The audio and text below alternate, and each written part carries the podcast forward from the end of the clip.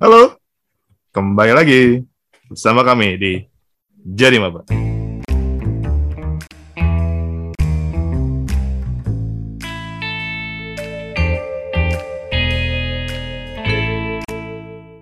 Ya, iya. Urutan 19 ketika di, ini direkam Urutan 19 podcast Indonesia. mengalahkan ah nggak usah kita kita nggak Nggak usah usah, nggak usah. mengalahkan siapa lah. Ya, dilihat aja lah ya sendiri. Ntar podcast baru masa udah punya musuh Ya, tapi kita eh, belum punya top episode nih. belum belum Iya. ya top episode ntar lah kan nggak tahu mungkin mungkin episode ini bakal top episode Ya, tapi nggak tahu ya nggak tahu karena karena isinya berkualitas atau karena banyak kontroversinya Oke, Besti. Oh ya, buat panggilan eh, panggilan kita itu Besti. Gua gua sebenarnya aduh, kalau ada yang komen di Twitter tuh senang banget tuh. Kemarin tuh ada yang komen kan, "Kak, apa ya, podcastnya lucu apa ya, gemes." Jadi bukan pakai lucu tapi gemes ya. Gemes Gua sih banget. gue sih enggak gue sih males kalau kolom komen bisa ditutup gue tutup kalau Iya. Ya udah, beneran deh pokoknya ya, intinya cuma impresinya jelek aja Iya, intinya sebenarnya thank you banget buat para besti yang mendukung uh, podcast ini. Kami sebenarnya juga nggak nyangka. Dan hari ini kita mencoba membuka segmen baru.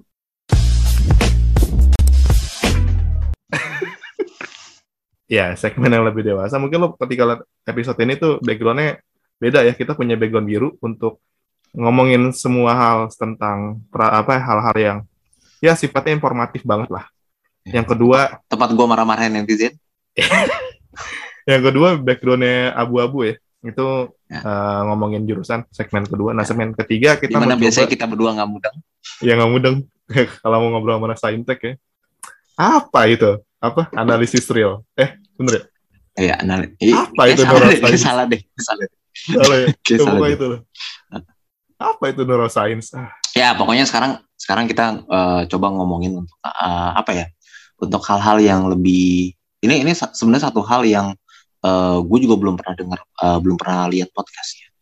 Jadi sekarang kita akan mencoba untuk eh, ngulik-ngulik tentang eh, S2 atau pasca sarjana ya. Ya pasca sarjana mungkin ya karena mungkin nanti kita akan undang eh, mungkin yang S3 ya. Biarpun gue nggak tahu ya S3 kalau kita diajak ngobrol ada yang asik nih.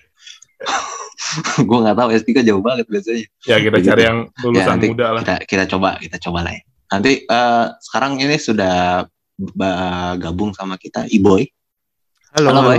halo, halo, Halo. Apa tadi Ini- Besti panggilannya? Ya, Besti. panggilannya boleh panggil Besti gitu. Nah, ya sebenarnya panggil apa aja boleh. Halo, halo Boy. semuanya. Boleh cerita dikit nggak Boy? Eh, lu sekarang eh eh, lu ngambil S2 tuh kemarin di mana? Oke, S2. Jadi kemarin tuh gue ambil S2 tahun 2016. Eh, kampusnya di UI, di fakultasnya Fakultas Ilmu Pengetahuan Budaya. Eh, jurusannya sih namanya Cultural Studies ya, cuman mungkin yang lebih dikenal itu di bawah Departemen Ilmu Susastra, Susastra gitu. Jadi di Hmm. bawah Ilmu Susastra lah, kurang lebih. Untuk Kalau S2-nya. di kalau gua ngeliat di kan gua sempat sempat ngecek di Badan Akreditasi Nasional Perguruan Hmm. Tinggi itu memang ma- dia masih ditulisnya sih sebenarnya Magister Ilmu Sastra. Kalau Mm-mm. gelarnya apa sih, Bu? gelarnya Magister Humaniora M.Hum ya. Oke, M.Hum. S1 S.Hum, eh, S2 M.Hum gitu. M.Hum. Nah. tidak, tidak bisa Kita- lepas dari home ternyata. Ya, jadi dari dari humaniora padahal itu sebenarnya eh tapi tapi humaniora tuh untuk beberapa jurusan keren loh. Maksudnya Oh, iya. kalau gue jadi eh, sarjana sejarah misalnya kayak itu singkatan tuh nggak enak. Esech. ya ya ya, make sense. Meskipun hum juga kadang jadi humor ya di Iya, jadi ya. humor gitu. Bahkan ada yang biasanya kayak- kalau yang tahu basi tuh apa? apa kan? hukum. Iya ya. Soalnya kalau nggak salah dulu eh gua tak- nggak tahu tahun berapa kayaknya magister hukum juga M.Hum ya kalau nggak salah. Iya, jadi gue juga pernah dapat eh, cerita itu dari dosen gue bahwa se- dulu sebenarnya semua eh, semua eh, apa semua jurusan yang terkait dengan humaniora itu eh, ditulisnya eh, sarjana sarjana humaniora itu Hmm, sebelum dibeda-bedain kayak gitu. Iya. Pantesan waktu gue liat eh, bionya Hotman Paris M.Hum kan gue kira wah sama-sama belajar sastra nih. Oh ternyata beda Nah, gitu. Uh, uh, uh, apa dia S2-nya tetap hukum, cuman uh, gelarnya dapetnya Iya, gitu. gelarnya. Gue juga sering itu kalau misalnya udah agak rada tua gitu, lihat siapa ya gitu orang-orang komisaris mana terus M. Wih, Rasanya jadi punya masa nih, Pak. punya masa depan ya dengan iya, wah, yang sama. fakultas nih, Pak. Ternyata ternyata enggak. Ternyata ya memang masa depan dia lebih bagus aja. nah, lo eh sorry, eh, kita Hmm. bukan itu. Lo S1-nya S1 gua eh, sastra Indonesia. Nah, S1 sastra Indonesia, terus Mm-mm. S2 lo adalah magister ilmu susastra. Yoi. Itu kan bisa dibilang linear ya. Iya. Hampir linear lah, ya linear lah kalau Ya, hampir linear lah ya. Ah. Kalau nggak bosen sih? Beneran. Gue kalau bisa itu- ngambil magister itu pertanyaan eh, magister kedokteran gue mau. Iya. Jadi eh, eh, yang perlu gue jelasin tuh pas S1 itu meskipun sastra kan ya ada peminatan lain ya. Nah, gue kebetulan pas S1 ini lebih ke linguistik. Jadi lebih ke yang berurusan sama tata bahasa lah nih. Sementara kalau di S2 susastra kan kita lebih apa ya? eh, lebih keluar dari linguistiknya gitu, lebih ke budayanya, lebih ke eh, apa ya? Bukan bukan nganalisis tata bahasa lah kurang lebih. Jadi ya ada ya gue merasa ada sedikit freedom lah di situ nggak nggak linear linear amat gitu ya meskipun ada kemiripan ya kayak metodenya mungkin ada yang sama cara berpikirnya mirip-mirip lah namanya juga sama-sama humaniora ya cuman secara eh, kerja ininya kerja ketika neliti ketika kuliah ya beda sih itu yang gue rasain makanya eh, it's enjoyable gitu Oke.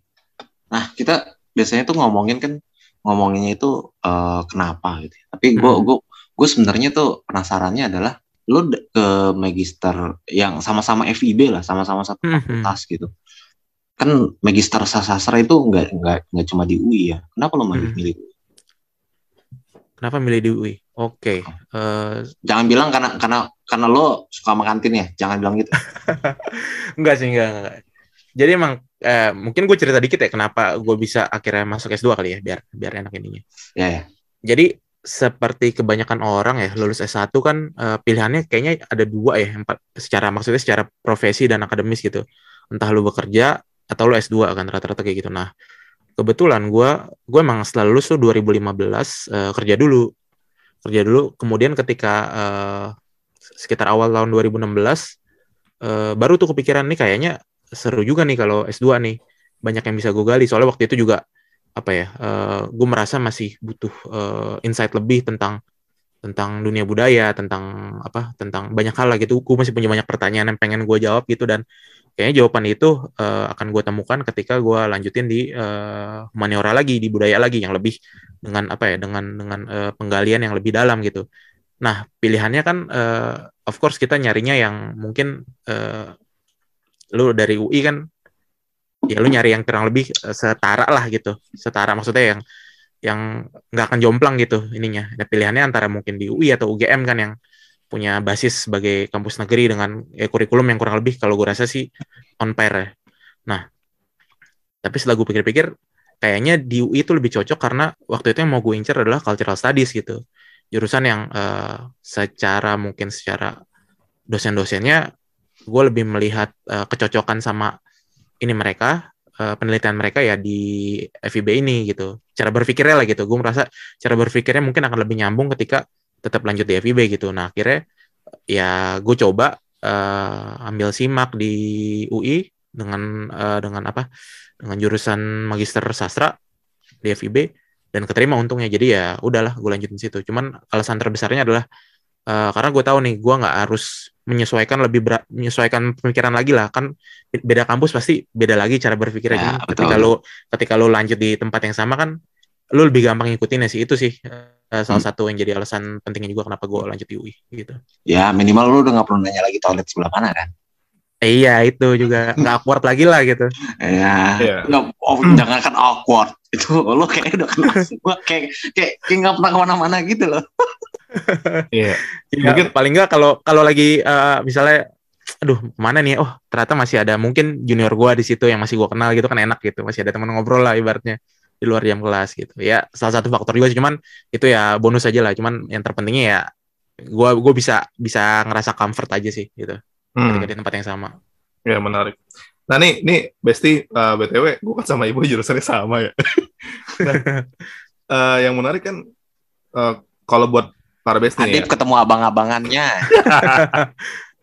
gue eh, jadi gue ini dulu apa ya kasih penjelasan dulu kalau di eh, sastra Indonesia itu kan ada tiga penjuru eh, tiga peminatan kan linguistik tuh buat tata bahasa ya kalau misalnya di UN tuh soal-soal ide pokok rangkuman simpulan nah itu masuknya ke linguistik tuh nah yang kedua tuh soal eh, peminatan sastra gitu itu kalau misalnya ada lo ketemu soal-soal cerpen terus ada soal-soal yang ya berkaitan dengan bacaan-bacaan yang fiksi ataupun non fiksi itu masuknya ke situ nah yang terakhir ada uh, filologi itu perihal uh, hal-hal yang berhubungan kalau di soal UN tuh kayak hikayat segala macam. Nah, Ibo ini masuk ke linguistik. Padahal setahu gue memang di S2-nya FIBU itu ada linguistiknya gitu. Nah, Hmm. kenapa lu belok ke cultural studies yang artinya seharusnya itu buat yang ngambil peminatan itu di sastra gitu.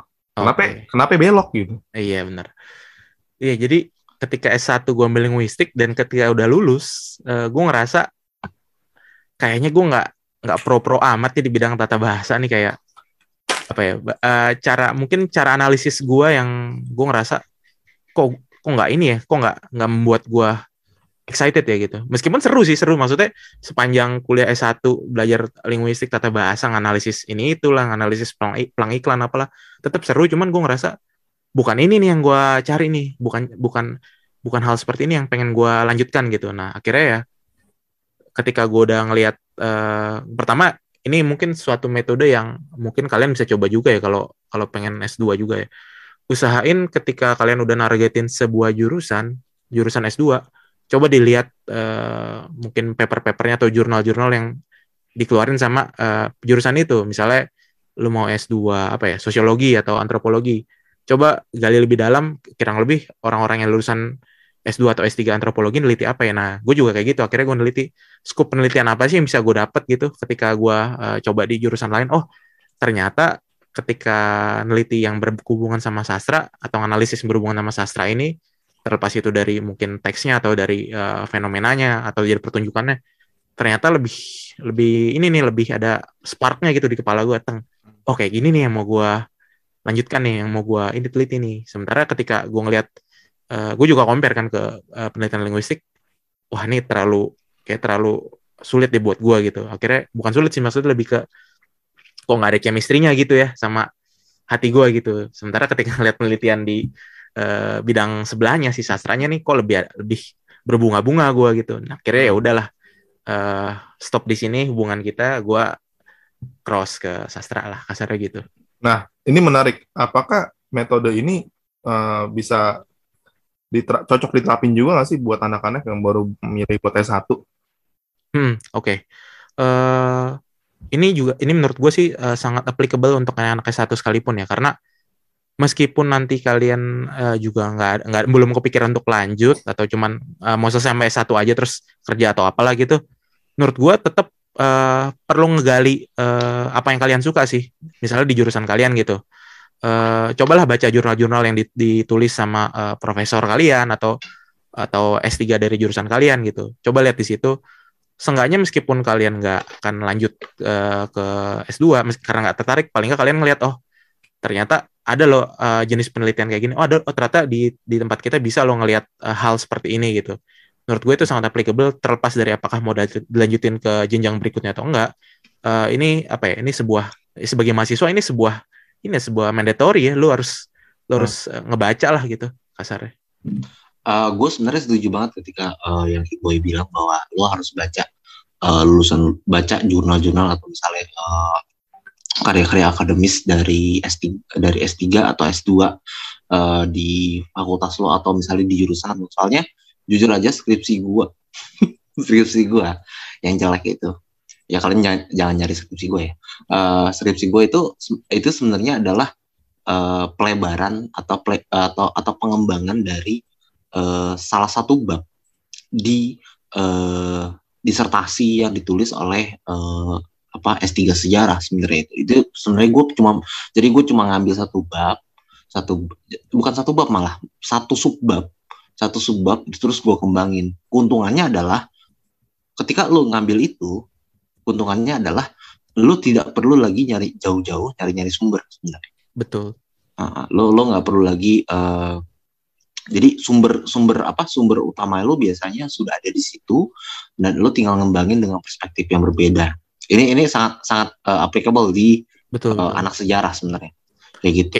Bahkan di semua pun juga terutama yang uh, saintek ya kayaknya saintek juga uh, ibaratnya kan pasti profesor-profesor yang udah bikin penelitian yang itu itu sangat-sangat butuh untuk lo baca biar uh, nggak apa biar biar relate lah gitu oh nih bisa bisa ke arah sini lah bisa ke arah situ loh. itu itu udah sebuah mandatory buat semua yang kuliah sih gue rasa ya betul Hmm. betul Nah, mungkin gini, eh, pertanyaan gue, mungkin buat ya lo berdua kali ya, bisa nambahin gini. Kadang kan untuk anak yang memilih jurusan, itu tuh terkadang eh, dia itu bias ya, bias dalam artian kemampuannya itu bisa di dua bidang. Misalnya kayak misalnya gue bisa public speaking, pasti nomor satu yang dipertimbangkan komunikasi. Tapi eh, ada keinginan yang lebih, aku juga pengen HI nih. Jadi aku ingin aku ingin ini, aku ingin begitu, ya kan kayak ingin, ingin itu ingin ingin ini, banyak sekali. Nah, sekali eh, dari dari dari hal yang tadi, metode yang tadi, eh, itu bisa nggak sih mem- mempersempit eh, keinginan si anak biar lo tuh ya ini men jurusan yang sesuai dengan chemistry lo gitu. oke Eh, ini berarti ditunjukkan untuk anak-anak yang misalnya sekarang lagi mau milih S1 apa ya gitu. Ya. Benar nggak sih Benar Ya, ya Oke. yang yang bias gitu. Ya, Ah. yang ada mirip-mirip ya, tapi sebenarnya ya nggak usah nggak usah nggak usah ngomong bias deh yang Ah. nilainya mepet Ya, kalau menurut gua ya, eh, kalau ketika memilih kuliah kan kita nggak bisa munafik juga ya. Apalagi mungkin sekarang program dari pemerintah kan eh, kita lebih vokasional dalam artian eh, ini paling nggak bisa bisa langsung bermanfaat secara industri lah kasarnya gitu kan. Hmm. Bagaimana ntar ketika lulus bisa kerja. Nah, itu harus jadi satu pertimbangan juga gitu. Terlepas dari sebagus apa pun paper yang ada, lu terkesima gitu. Oh, ini gue pengen kayak gini. Cuman kan balik lagi eh lu udah punya plan belum? Misalnya mau lulus mau jadi apa gitu, kasarnya lah. Itu kan satu yang perlu dipertimbangkan. Misalnya lu pengen jadi seorang diplomat gitu. Diplomat yang ke luar negeri segala macam kan otomatis eh, meskipun bisa dari berbagai jurusan, tapi kan lu harus mempersempit itu misalnya ya lu di HI atau kayak misalnya di sastra Inggris juga bisa, atau di sastra apa gitu. Nah, itu kan pilihan-pilihan yang reasonable gitu. Meskipun ternyata ketika lu ngelihat eh, di komunikasi atau di politik, "Ih, ini seru banget nih bahas hubungan apa bahas eh, misalnya eh, di Korea ternyata kayak gini nih bentuk ininya bentuk apa bentuk eh, pemerintahannya bla bla bla bla. Mungkin itu menarik lo cuman dari sisi lo lebih pengen jadi eh, diplomat gitu ya. Lo harus cari yang mungkin mungkin lebih ngarah ke situ. Ini contoh kasar aja ya.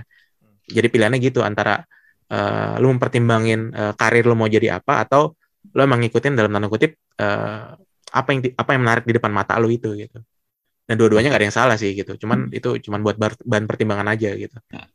Kita ngomong kita ngomong kita ngomong lu mau jadi apa nanti aplikabel apa enggak tapi kita anak FIB men. Yang yang yang ma- yang antemnya aja lulus mau jadi apa? Iya. tenang tenang. Kapan-kapan gua kapan-kapan gue masukin deh tuh lagu ke ke nih podcast. Ya.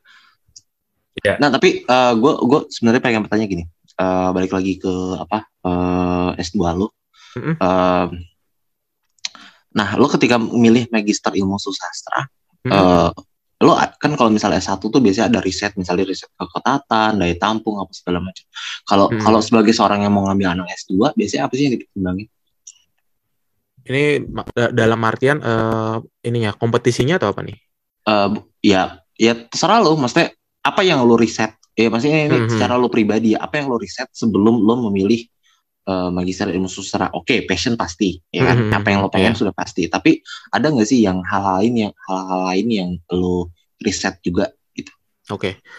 Oke, mungkin yang pertama kalau dari faktor eh, kompetisi ya dalam kalau ya satu kan kita ya itulah ada keketatan ya itu segala ya macam lah itu. daya saing Eh daya saing gitu. Eh kalau dari itu sih kalau gue secara personal mungkin nggak terlalu ya karena gue ngerasa eh gue bisa kompetitif gitu. Maksudnya bukan maksudnya kayak gue tahu nih gue gue bisa loh di sini jadi gue nggak nggak ragu itu dan kayaknya di S di S2 ya ini mungkin gue nggak tahu ketika dibandingin sama fisip atau ekonomi ya. Kan peminatnya mungkin lebih sedikit ya lebih spesifik orang-orangnya. Terutama ketika pada masa itu 2016 berarti. Itu jam kuliahnya juga ini penting juga sih. Jadi jam kuliahnya itu kan kayak jam kuliah S1 pas gue Hmm. Jadi ada Ya. kuliah paginya, ada kuliah siangnya. Yang itu otomatis kan kasarnya mengeliminir eh, orang-orang yang mungkin kerjanya full time ya. Ya. Bisa mungkin tapi ya agak ribet lah soalnya temen gue juga Hmm. ada yang full time tapi dia akhirnya eh, ngatur jadwalnya dan nggak bisa nggak bisa on time gitu. Hmm. Nah jadi itu otomatis emang yang orang-orang terpilih aja nih yang yang emang mau serius di sini dan itu gue udah itu gue udah riset juga sih kayak ke beberapa temen gue emang jam kuliahnya kayak gini nih jadi emang Hmm. ada suatu sikap yang harus lo ambil ketika di sini ya kayak begini. Nah jadi itu meyakinkan gue bahwa ya eh udah ini udah udah bukan masalah ketat atau nggak ketat lagi cuman lu eh, berani nggak terima segala konsekuensinya gitu gitu. Nah, ketika kalau di fakultas lainnya kita nggak tahu ya kayak di ekonomi tentu mungkin ada Hmm. faktor itu ya kompetisi misalnya eh, yang diterima 50 yang daftar 1000 itu mungkin ada case. Cuman kalau dari case gua eh per- jadi- yang jadi pertimbangan gua adalah eh, oh ternyata jam kuliahnya kayak gini terus gue juga nanya soal eh susah nggak sih? Itu kan penting juga ya nanya susah nggak sih? Dibanding lu tau-tau Dari dari S1 kagak berubah-ubah Iya, pertanyaannya. harus kan dan ternyata emang dijawab sama temen gue susah gitu ya so what gitu ya emang emang katakanlah ini next challenge lah kayak Ya. ketika gue S1 pun atau mungkin orang-orang S1 juga pasti susah lah di mata semua orang gitu nggak gampang lah. Nggak ada yang ah gue mau kuliah di ini karena gampang gitu. Eh, sombong banget lu gitu. Nggak mungkin kan? Kita pasti tahu pasti ada challenge lah gitu. Hmm. bertahap gitu. Jadi eh, gue udah ngeriset itu eh, tingkat kesulitannya emang agak sulit terus juga eh, banyak berba- banyak apa banyak komitmen harus diambil juga. Ketika itu ya udah eh, mentally ready ya udah gua gua ambil simak gitu ya itu kan juga tetap kita nggak tahu ya hasilnya akan terima apa nggak cuman pas kerjaan simak sih menurut gua gampang-gampang aja gitu dalam arti gua ini mungkin kalau gua nyoba eh, fakultas lain juga masih keterima kali ya menurut gua gitu Hmm. nggak nggak sesulit itu sih soalnya nggak sesulit S1 lah jauh lah kalau simak S2 ketika pada masa itu cuman kalau Oh. sekarang gua nggak tahu gitu Ini, Tapi ini eh fakta enggak, menarik ini, coy. ini ini fakta menarik juga, fakta Hmm. menarik juga. Sebenarnya sebenarnya ini cuma bu- bukan karena iboy pintar sebenarnya, tapi ini ini ada satu hal yang yang gue sadari, yang akhirnya akhirnya eh, menyadarkan gue. Mungkin ini juga buat yang teman-teman S1 segala macam, tapi gue nggak tahu ini applicable apa. Eh, sebenarnya semua soal ujian, terutama soal ujian-ujian kampus-kampus mandiri, itu sebenarnya bukan menguji pengetahuan lo atau seberapa banyak lo hafal, seberapa Betul. cepat lo ngerjain, tetapi dia sebenarnya menguji pola pikir lo. betul Asal lo tahu, sih asal iya nalar dan asal lo tahu. Gue pernah nyoba eh apa? Nyoba eh soal simak sejarah beberapa tahun yang lalu. Eh, soal simak lupa 2014 atau 2013. Gue coba ngerjain itu dan eh enggak sorry Eh, soal simak gue 2015 soal simak gue. Eh gue inget banget eh, karena itu boleh dibawa pulang. Gue inget banget bisa bisa itu itu beberapa banyak salah gitu beberapa ada beberapa yang salah di hitungan gue. Tapi ketika gue sudah sudah eh, lulus S1 terus gue coba lagi, gue coba lagi iseng-iseng gitu ya.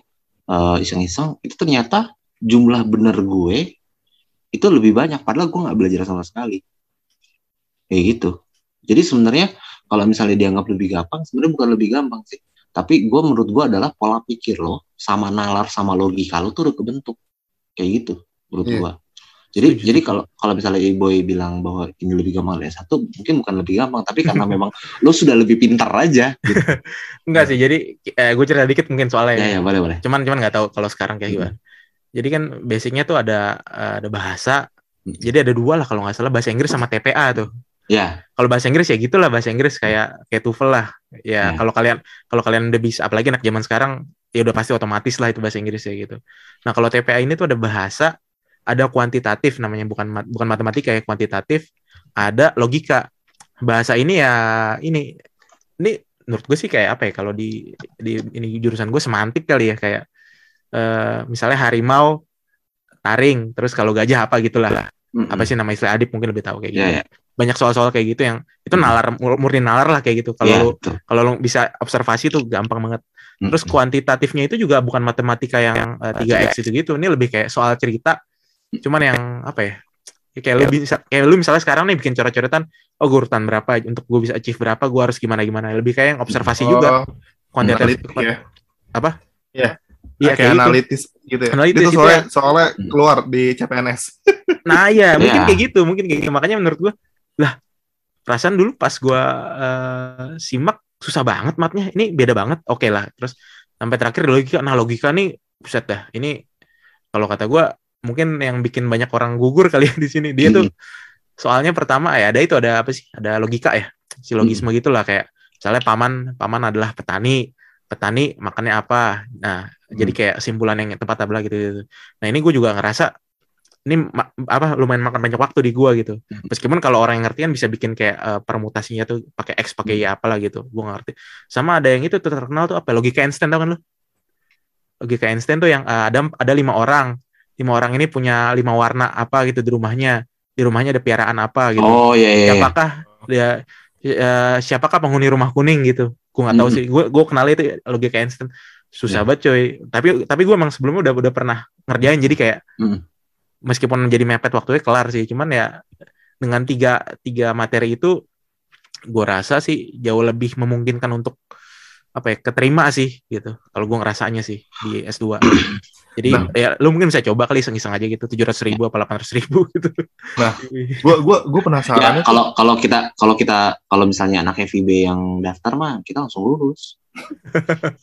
Nanti kita ngomongin Iya. pas kita ngomongin pas. Eh, tapi bentar, gue penasaran nih gini.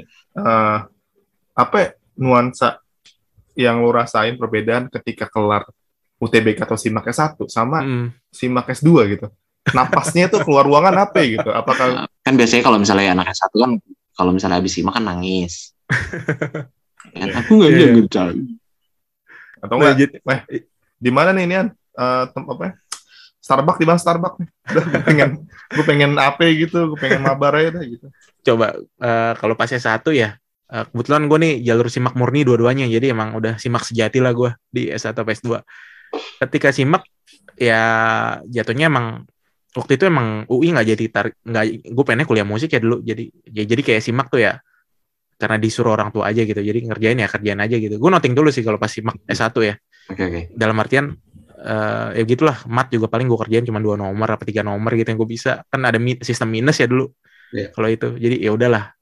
Eh, jadi gue emang waktu pas kelar simak nggak punya beban pikiran apa apa gitu keterima enggak enggak- itu juga enggak gitu meskipun pada akhirnya keterima ya udah itu. Nah kalau pas S2 ini lebih ke apa ya eh, ngerjain kelar oh udah gitu hampa aja gitu.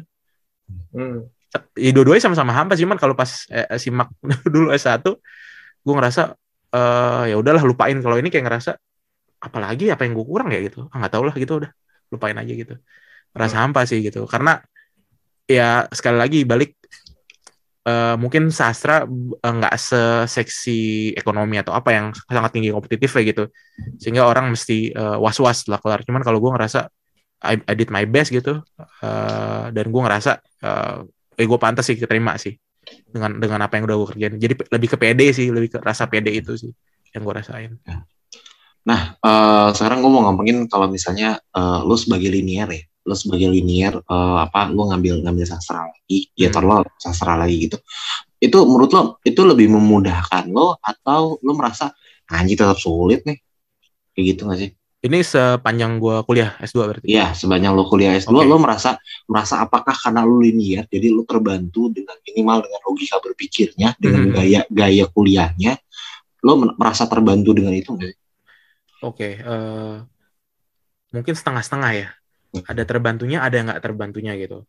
Karena kan eh, ini balik lagi ke ketika S1 sastra Indonesia, ibaratnya dosen-dosennya atau eh, kurikulumnya pengajarnya kan punya sebuah cara tersendiri ya. Hmm. Sementara ketika di S2 eh, itu kan lebih lebur ya, bukan lagi punya sastra Indonesia atau sastra apa, cuman punya sebuah departemen gitu.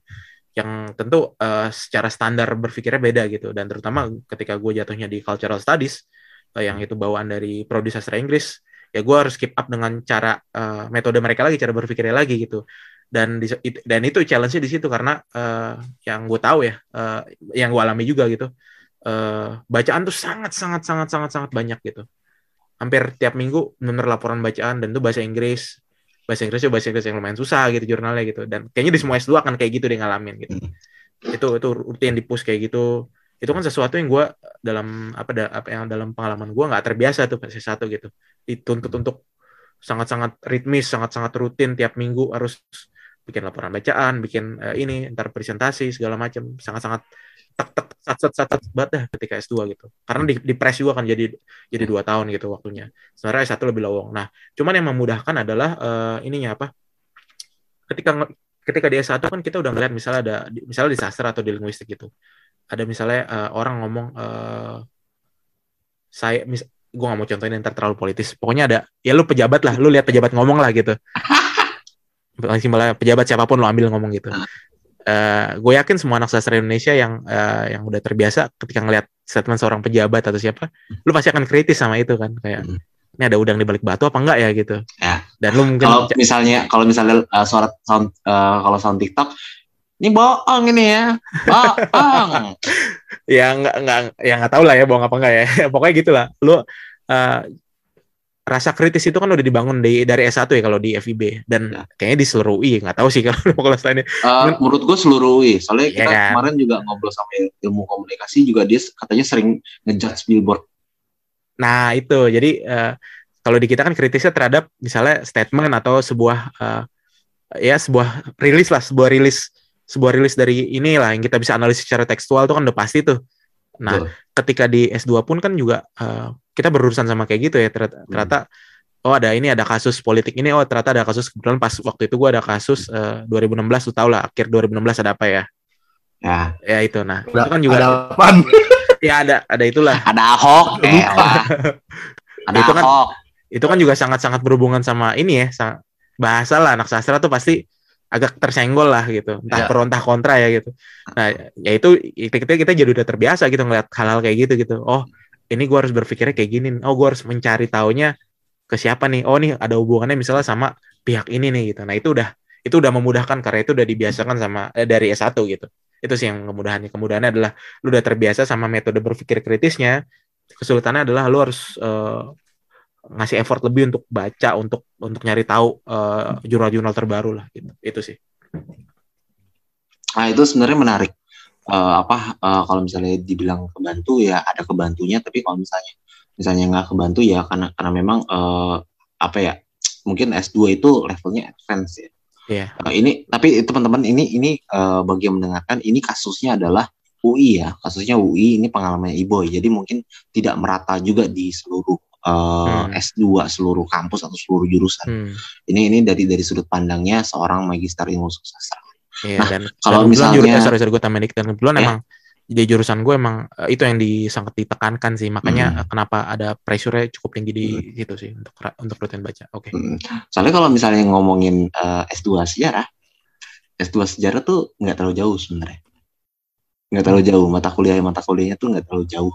Hmm. Eh, apa yang lo pelajari di S1 tuh sebenarnya nggak nggak Hmm. terlalu jauh, cuman memang penekanannya adalah lo ya udah penekanannya adalah benar-benar metode metode yang dipakai itu memang metode yang lebih advance lagi kan kalau misalnya S1 tuh cuman ya udah sekedar ya udah lo bikin makalah yang bagus aja gitu makalah yang makalah yang sesuai dengan ketentuan basic ketentuan ketentuan dasar gitu. tapi kalau misalnya S2 mungkin uh, akan lebih ya itu tadi yang yang ibu bilang mungkin akan lebih dikritisi kayak gitu. Hmm, hmm, kalau misalnya S1 kan ya lo jelek-jelek dikit nggak masalah lah. Ah gitu kan. Tapi kalau misalnya S2 kan apalagi apalagi linear kan gimana sih? Iya. belajar S1 rasa bertanggung jawabnya lebih tinggi sih ketika lu iya udah benar. next step gitu. Eh tapi Ya. lo lo pernah ada rasa begitu gak sih? Rasa kayak anjir kok gue nggak bisa ya? Ini gue pernah pelajarin. Lo pernah ada gitu gak eh ada ada nggak ya? Ada sih ada. Pastilah mentok-mentok gitu mah pasti banyak gitu. Hmm. terutama eh, ketika apa ya ketemu sebuah teori atau sebuah pembahasan yang sama sekali asing nih gue itu itu berasa banget sih. Ini apa ya kok gue salah mulu? Ya itu pas tesis juga kayak gitu sih kayak semua orang. Iya kayak kayak apa sih? Mentok-mentok gue ya. nggak tahu sih. Gue sih ngebayangin kalau misalnya gue S2 ya gue S2 sejarah lagi di UI dosen-dosen gue pasti masa nggak tahu? Kan pernah ini. Gue yakin banget sih makanya sampai sekarang gue maju mundur mau mau kuliah S2 di UI karena gue karena dosen-dosen gue aduh dosen-dosen gue ya sama dosen-dosennya gitu dan, dan aduh anjir gue pasti disindir iya kayak nih kalau kayak tulisan tuh terutama tulisan ya kayak ketika lo mungkin satu tulisan yang agak-agak eh, ya semi-semi lah meski boleh lah gitu cuman Iya, ketika S2 lu kok dangkal banget ya gitu kesannya Iya. gitu lah. Kayak lu berusaha gitu. menghapus kebang- kedangkalan di tulisan gitu sih Iya, ke- kedangkalan tulisan lo dan ya bener sih pas pas lo S1 gitu ya. Pas Setelah lulus deh, ini mungkin ini pengalaman setelah S1 ya. Lo setelah lulus gitu ya, kalau misalnya lo lagi iseng baca-baca, nggak usah jauh-jauh deh, baca skripsi lo. pasti lo ngerasa ini ngomongin apa sih gue Ah, iya, kok bisa itu. lulus dah Dari Beneran semua orang tuh, iya betul. Kayak Sama gitu. sih gue juga. Karena memang setelah gue belajar sama eh bukan belajar setelah gue ngobrol-ngobrol sama dosen gue ya memang S1 ya udah sekedar sekedar lo bisa menerapin metode Betul, dengan baik ya udah lo lulus gitu betul, betul. kayak gitu ya kalau ini ini ngomongin ini ya ngomongin eh, anak FIB ya ngomongin anak Hmm. FIB ya lo sudah bisa menerapkan metode penelitian kan kalau misalnya di sejarah itu ada Betul. ada lagi yang namanya metodologi itu berbeda Hmm. dengan metode penelitian sejarah Hmm. itu ya selama kalau lo sudah bisa menerapkan itu ya lo lulus gitu Hmm. biarpun biarpun misalnya skripsi lo kalau lo kalau lo baca ulang kayak ah, anjir nih ah aduh Mungkin anak anak data yang pernah gue denger adalah ketika S1 itu ya lu menulis secara deskriptif gitu. ya menc- mencoba eh, menjelaskan secara deskriptif sementara ketika S2 lu berusaha menjadi orang yang eh, bisa menggunakan teori dengan baik untuk Nah, menemukan jawaban dari persoalan lu gitu. Ketika S3 adalah lu bagaimana merangkum dari berbagai teori kemudian lu menemukan sebuah jawaban dengan sebuah teori yang lu lu temukan lah kasarnya gitu. Jadi dari deskriptif terus dari eh, jadi aplikatif jadi eh, teoritis gitu. Itu sih stepnya. Ya itu ane- anekdot yang gue denger ya. Cuman hmm. ya yang gue rasain juga kurang lebih sih sama sih kayak gitu.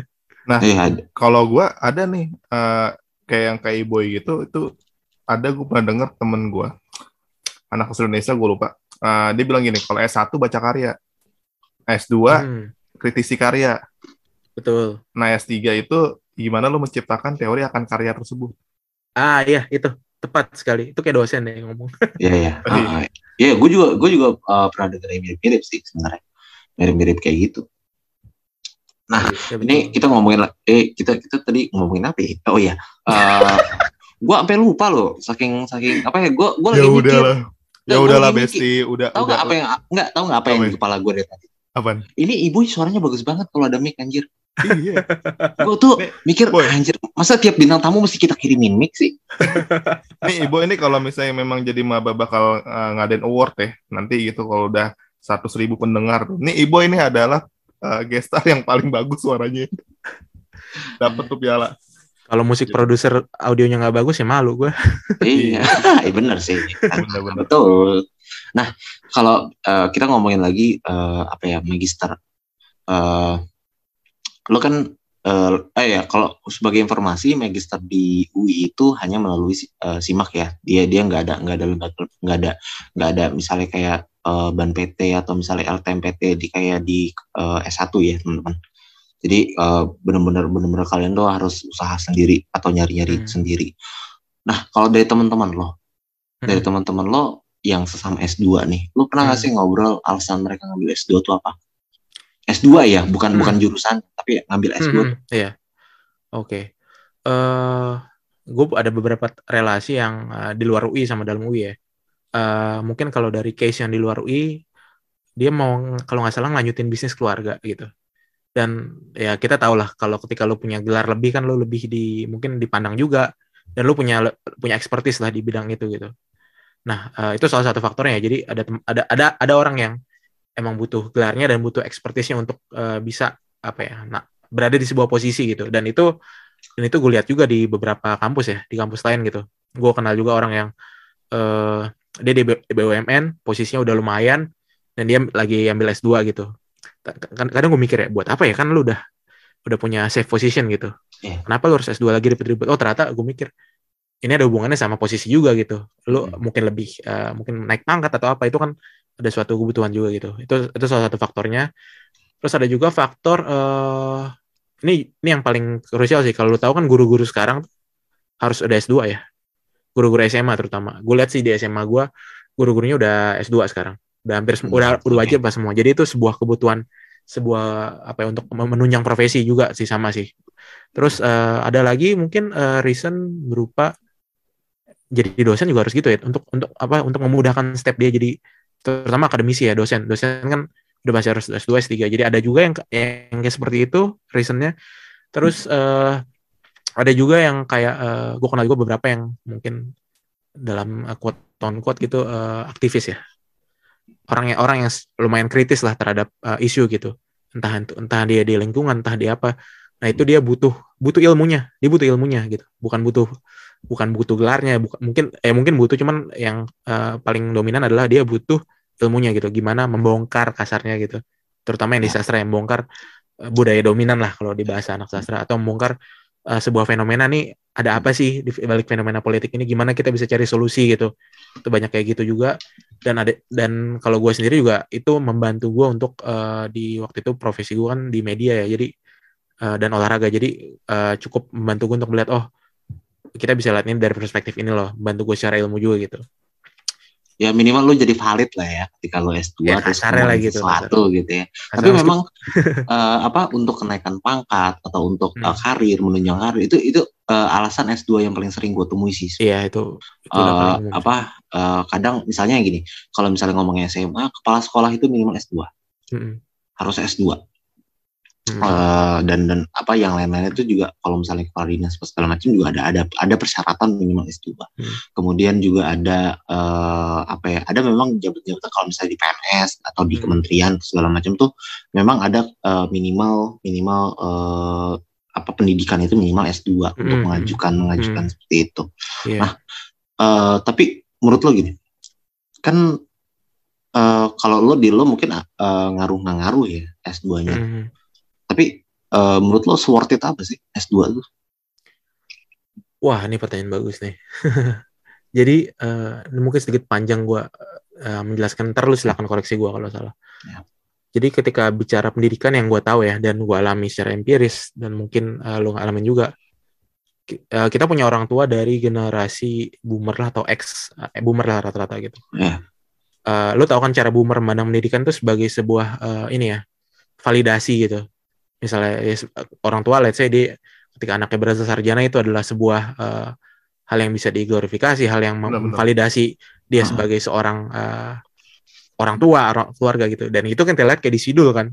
Uh, sarjana itu jadi suatu hal yang krusial itu tahun 90-an gitu. Dan itu berlanjut sampai sekarang kan. Itu kan salah satu cita-cita yang di apa ya? yang dibawa oleh generasi orang tua kita gitu ke kita sehingga harus satu meskipun pada prakteknya kan ya lu bisa aja kerja tanpa gelar satu kan cuman akhirnya jadi sebuah uh, hal yang wajib gitu. Nah itu mulai berdampak ke sekarang ketika uh, eh, S2 ini dilihat sebagai apa ya? Ya itu sebagai sebuah atribut lah, nggak, nggak atribut juga sih, cuman sebagai sebuah S, the new S1 lah gitu. Kadang kan, kalau lihat sekarang kayak orang-orang berlomba S2 entah di luar negeri, dalam negeri gitu. Uh, seolah-olah ini kayak akhirnya bergeser tadi ya standar S1 sekarang S2. Jadi sebenarnya standar yang dicari ini adalah ilmunya atau prestisnya gitu. Itu hal yang hal yang perlu digarisbawahi sih. Nah buat gua uh, ketika orang seorang mau memutuskan untuk S2 harus banyak dikonsider sih. Ini ini di luar tadi masalah pangkat segala macam itu kan udah urusan administratif yang ya udahlah mau gimana lagi. Cuman ketika lo punya privilege untuk S2 apa enggak ya gitu tanpa harus peduli sama urusan administratif itu uh, jangan sampai uh, apa ya ilmu yang lu dapat selama dua tahun atau tiga tahun atau setahun bahkan kalau luar negeri itu ngambang gitu aja cuman cuman ya gue punya gelar di belakang nama gue lo jangan jangan jangan. Ketika lo punya privilege untuk S2 di luar urusan administratif pastiin kalau ilmu itu bermanfaat buat bukan buat lo doang buat apa yang bisa lo bangun di lingkungan, lingkungan lo itu. Itu sih menurut gue uh, kalau ngomong penting apa enggak ini akan jadi penting ketika lo uh, bisa menghargai apa yang lo apa yang lu pelajari, apa yang lu uh, kerjakan selama S2 itu sih. Itu sih menurut gua. Kalau gua sebenarnya uh, gua pernah pernah mikir simpel gini. Uh, S1 itu untuk cari kerja. Hmm. S2 itu untuk karir. Ya, itu itu paling itu paling common sih. Ya, paling common adalah S1 itu untuk itu. Karena karena karena di mana ya? Gue gue merasa bahwa di Indonesia biarpun biarpun uh, sering sering kali uh, kalau misalnya kita lihat internet yang penting tuh bukan gelar yang penting itu skill mhm. men yeah, tetap yeah. men kalau yeah. lo kalau lo oke okay, lo nyari kerja pakai pakai skill mungkin tapi kalau yeah. misalnya lo mau naik pangkat jadi manajer yang dilihat gelar lo ya yeah, ya yeah.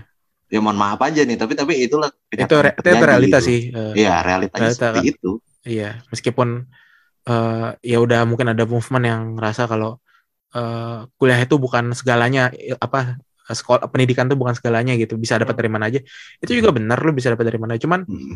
uh, ada satu yang ngebedain sih ini juga mungkin dari bawaan dari keluarga gue ya hmm. uh, ketika lu S1 lah gitu minimal S1 di mana pun itu lo kan pasti pasti punya cara berpikir yang beda mungkin sama yang enggak gitu Mm-mm. ya ya gue nggak bisa ngomong apa apa sih kalau emang uh, ada yang kesulitan untuk uh, apa kuliah karena dana sih cuman paling nggak kalau ada opportunity-nya itu lu manfaatkan sebaik mungkin lah karena itu akan membedakan lah. Dan terutama kan kita juga tahu kan kalau secara di bidang riset terutama kita tahu kan ketinggalan banget kan Indonesia kan. Betul. Sementara lu tahu kalau kalau riset itu kan udah urusannya sama S2 S3 ya Pak Jepang gimana banyak Mm-mm. uh, dokter dari berbagai ilmu teknologi segala macam sosum segala macam Mm-mm. itu kan jalurnya jalur pendidikan bukan jalur uh, let's say jalur jalur di luar pendidikan lah. Rata-rata jalur pendidikan dan dampaknya apa? Ke negaranya ya lebih bisa lebih maju lebih progresif gitu. Sementara ya kita lumayan ketinggalan gitu karena ya mungkin apa, apa ya gue nggak tahu sih apa sih problemnya mungkin apakah karena kurang yang S2 S3 ya mungkin cuman apa ya ya itulah mungkin kita kita kurang kita kurang menempatkan secara tepat aja sih itunya Hmm. harusnya Hmm. seperti apa sih orang-orang yang lulusan S1 S2 S3 ini berkontribusi gitu itu masih Hmm. dalam on progress sih gue nggak tahu akan kapan tercapai cuman ya mudah-mudahan sih tercapai gitu Iya. Nah, kalau gue gini eh, melihat, nih ada ucapan lah, ya, ucapannya ini men- eh, menarik juga untuk didiskusin. Eh sebenarnya kan ada, ada dua ada dua tipe ya, yang gue lihat di, kalau gue sih melihatnya di teman-teman gue ada yang dari S1 langsung S2 selancar itu, maksudnya ya Hmm. udahlah nggak usah ini. Hmm. Ada yang menganggap ya S2 eh, gue akan percuma S2 kalau misalnya gue belum punya pengalaman kerja gue akan kerja dulu meskipun eh, gue bisa aja langsung S2. Nah, Hmm. sebenarnya eh, kalau menurut gue bukan dua hal yang salah Se- sesuai sesuai dengan alasan masing-masing. Nah, lu melihat ini gimana boy? Ya, lu mungkin melihat ini gimana juga di Ya kalau gue mah ya gampang aja. Ya kalau misalnya lu S, S2 langsung, kalau misalnya lu S1 S2 atau belum lama kerja ya lu ngelamar ngelamar pakai ijazah S1 aja. Selesai. Oh, Oke. Eh tadi kan ap- apa eh, lulus S1 langsung S2 sama ada yang beranggapan habis S1 kok kerja dulu baru ntar S2 gitu Dip ya. Iya. Iya. Hmm. Eh, ini terjadi juga sih. Jadi em, ini salah satu yang ngebedain S1 sama S2 adalah ini nih. Jadi kayak ketika S1 lu kan cenderung akan eh, umurnya setara lah. Hmm. Eh, mungkin ada yang lebih tua cum- itu karena faktor tertentu cuman rata-rata lu ada di satu generasi yang sama lah gitu. Hmm. seumuran lah. Sementara di S2 ya kejutan itu akan ada sih. Lu akan ketemu orang yang mungkin bisa 20 tahun lebih tua dari lu, 10 tahun gitu. Nah, gua gua ada klasifikasinya nih kayak gini kebetulan lu nanya. Jadi ada emang eh, di usianya yang pertama tuh kalau menurut gua tipe yang eh, langsung direct gitu, fast track lah gitu. Hmm. Eh, mentok setahun lah. Gue hitungannya fast track juga karena gue setahun doang gitu. Karena waktu itu kan emang nggak bisa kan langsung. Jadi, jadi harus ada gap setahun gitu nunggu itu. Nah, gue termasuk kategori ini. Ada juga kategori yang eh, udah apa ya? eh, misalnya udah 5 sampai 6 tahun setelah lulus gitu. Jadi dia udah punya eh, income tetap, udah punya mungkin udah berkeluarga gitu. Eh, dan dia masih eh, masih butuh itu untuk eh, something lah gitu. Nah, ada juga yang emang udah jauh, udah jauh umurnya. Ini, ini gue juga gak tahu sih reasonnya apa, cuman mau S2 lah gitu. Nah, lo akan ketemu dinamika seperti itu sih di di S2 dan emang bener emang bener nggak ada yang salah sih. Nah, cuman masing-masing mungkin akan nemuin kesulitannya ini dari yang gue observasi ya. Eh, ketika misalnya eh, gua eh, gua akan sangat cepat beradaptasi dong karena kan atau yang paling muda lah gitu, yang paling muda direct gitu. Sangat gampang beradaptasi. Lu masih fresh lah otak lu kasar paling mentok-mentok setahun gitu. Lu masih bisa ngikutin. rrrr. Tapi di satu sisi ya lu mengorbankan kerjaan lu kan udah otomatis. Jadi kayak eh, karir lu paling enggak kan eh, harus di eh, di hold dulu gitu. Gue harus fokus kuliah nih segala macam. Dan bisa jadi malah lu belum dapat kerja kan ketika S2 itu untuk orang-orang pertama. Jadi lu mengorbankan ya itu eh, experience kerja lu dan ini bisa berdampak berat juga ketika ntar udah lulus S2 lu nggak punya pengalaman dan mau nyari kerja juga lu mau nge-propose apa ke HR gitu. Ini gue gini nih, ya tapi kamu nggak ada pengalaman kerja. Nah itu gue alamin juga sih sempat sih. Meskipun waktu itu gue ada experience kerja juga cuman cuman jadi agak susah juga. Nah yang di tier 2 ini menurut gue sebenarnya sih lumayan ideal ya. Yang ketika mereka misalnya udah 5 atau 6 tahun berjarak dari lulus S1-nya dia udah punya kerjaan dia udah pintar ngatur waktunya. Nah jadi dia udah mastiin kalau S2 ini nggak akan ganggu kerjaannya dan dia secara ekonomi finansial juga kuat gitu. Nah, cuman dia punya eh, apa ya? nggak ada hampir nggak ada ruginya sih, cuman mungkin ruginya adalah eh, dia mesti apa ya? Dia jadi bingung gitu. Nih, gue mau se- seumur apa ya? Di luar kampus lah mungkin yang nggak ininya eh, jadi apa? Jadi agak keluarnya gitu. Gue lebih tua, cuman gue eh, ini juga pengen bergaul sama mereka. Mungkin lebih di faktor pergaulan aja sih. Nah, kalau yang paling kalau yang paling Oh, udah jebot banget ini yang yang agak susah mereka mau adaptasi ke ini biasanya harus matrikulasi dulu lah apa gitu ngulang jadi kayak satu semester dua semester itu belajar ulang pelajaran-pelajarannya karena udah jauh banget jaraknya gitu. Oh, iya. Belum lagi susah ngetik di Words kan. Kita nggak tahu kan. Orang umur 50 60 kan mungkin udah udah agak kagok gitu nih cara nyari jurnal Google Scholar kayak apa mungkin ya mungkin tapi gua ada contoh realnya sih kayak gitu cuman jadinya ya gitu apa ada kesulitan terhadap teknologi juga apalagi sekarang teknologi base banget kan nah cuman dia udah eh, secara wawasan udah nggak nggak usah lu tanya lagi nih orang Hmm. ini orang mungkin bisa lebih berwawasan dari dosen lu mungkin ya gitu Oh, gitu ya. mungkin aja mungkin loh mungkin. Ini apa kamu apa kamu kan versi advance? Iya. Wah, Anda lebih pintar dibanding saya. nggak lebih lebih berwawasan gitu bukan lebih. lebih berwawasan. Nggak kalau misalnya ngobrolin kalau kita ngobrolin zaman gue dulu kita ngobrolin paling 2010 mentok. Iya ya. itu Kalau dia ngobrolin zaman saya dulu ngomonginnya orba. ya bisa jadi gitu sih. Nah, kayak gitu sih. Jadi eh, di tiap tingkat ini tuh orang yang join nih ya ada ada kesulitannya masing-masing sih. Cuman Hmm. cuman kalau gua harus memilih satu yang paling ideal, paling ideal tadi eh paling nggak lu kerja dulu lah. Hmm. Ya lu kasih gap lah tiga atau empat tahun gitu. Lu udah punya, lu bisa paling nggak uh, financially stabil gitu dan dan S2 ini eh, jadi pelengkap untuk lu gitu. nggak akan lu nggak akan kesulitan nyari kerja, lu nggak akan kesulitan kuliah juga gitu. Gitu sih. Maksimal maksimal usia S2 tuh berapa sih? Ada maksimal sekarang, nggak sih? kayak sekarang nggak ada deh kayaknya ya. Nggak ada. Nggak Oh, ada. nggak ada. Kecuali kecuali gue lupa eh, kemarin kita kalau nggak salah ada ngobrol-ngobrol tentang batasan umur deh. Gua, tapi gue lupa jurusan apa. Oh, gitu. Ya, ya. ya. Kalau kalau seingat kalau seingat seingat gue ya eh, waktu itu yang paling tua kayaknya umur 4 40 kali ya, 40 41 kali ya. Hmm. Aduh, itu eh anaknya udah banyak tuh. Nah, nggak salah sih, nggak salah. Eh, pertanyaan gue tadi sebenarnya ada bridgingnya juga ke hal yang kedua. Eh, yang kedua itu tipe yang berpikiran bahwa eh, gue nggak butuh S2, yang gue butuhin adalah ya gue akan kerja dulu. Hmm. Kerja, eh, ini ini un- untuk untuk eh, orang yang kerja di luar jurusannya ya. Hmm, hmm. Gue akan kerja dulu, gue akan lihat arah arah gue ke mana. Dan gue nggak ujung-ujungnya ya meskipun gue udah lima tahun gue nggak akan ambil S2, tapi gue lebih mungkin perdalam lewat kursus-kursus aja gitu. Hmm, ya, ya. Nah, itu menurut lo eh, ideal juga apa gimana tuh? Eh tapi eh, sorry sebelum Mhm. sebelum eh, ibu lanjut eh, apa eh, sebenarnya sebenarnya ketika ibu nyebutin tiga tiga tipe seperti itu sebenarnya biasanya itu masalah adalah masalah eh, kebanyakan adalah masalah finansial. Yang yang biasanya fast eh, langsung biasanya langsung itu kebanyakan ada beberapa yang gua kenal ya. Yang gua kenal itu adalah dia memang ditawarin sama orang tuanya. Maksudnya orang tuanya mau membiayai mau membiayai. Biarpun hitungannya nih, nih orang tetap eh, dia tetap nyari kerja dalam arti tapi kerja kerjanya itu kerja kerja yang eh, memang eh, istilahnya cuma magang atau memang kerja kerjanya yang yang ringan-ringan atau atau dia banyak misalnya di volunteering kayak gitu gitu Ya mungkin habis ini Hmm. ntar kita ba- bahas tentang biaya lah ya. ya ah, ah. terus yang kedua adalah sebenarnya yang yang gap 3 4 tahun tuh sebenarnya kebanyakan atau misalnya ada beberapa yang memang secara finansial dia harus membiayai dirinya sendiri tapi memang keinginan S2 tuh udah ada keinginan S2 udah ada tapi 3 4 tahun itu kenapa karena dia harus nabung dulu nabung Hmm. dulu karena karena ya biaya uang pangkal biaya Nabung. biaya semester- kalau di Invest di kalau- kripto. Ya, kalau di beberapa kampus, kalau di beberapa kampus itu biaya biaya kuliah atau semesternya murah, tapi yang yang gede itu adalah biaya uang pangkalnya. Uang Betul. pangkalnya itu lumayan lumayan besar. Yang yang yang kadang eh, orang orang batalnya di situ sebenarnya. Terus Hmm. yang ketiga adalah misalnya 40 tahun segala macam. Nah, biasanya ini sudah finansial step, eh, sudah stabil finansialnya dan baru punya waktu luang Hmm, kayak misalnya gue pernah dapat cerita gitu ya dia kenapa baru baru ngambil uh, S2 sekarang atau misalnya S3 baru ngambil ternyata ya karena memang anak-anaknya udah gede gitu anak-anaknya udah bisa ditinggal udah bisa dititipin betul. kayak gitu-gitu ini ini case-nya adalah untuk yang berkeluarga ya maksudnya ya mungkin teman-teman yang denger gitu ya mungkin teman-teman yang denger punya berbagai macam latar belakang mungkin ini bisa jadi pertimbangan kayak gitu Hmm. nah ya lanjut boy Tadi apa dip? Intinya. Intinya apa?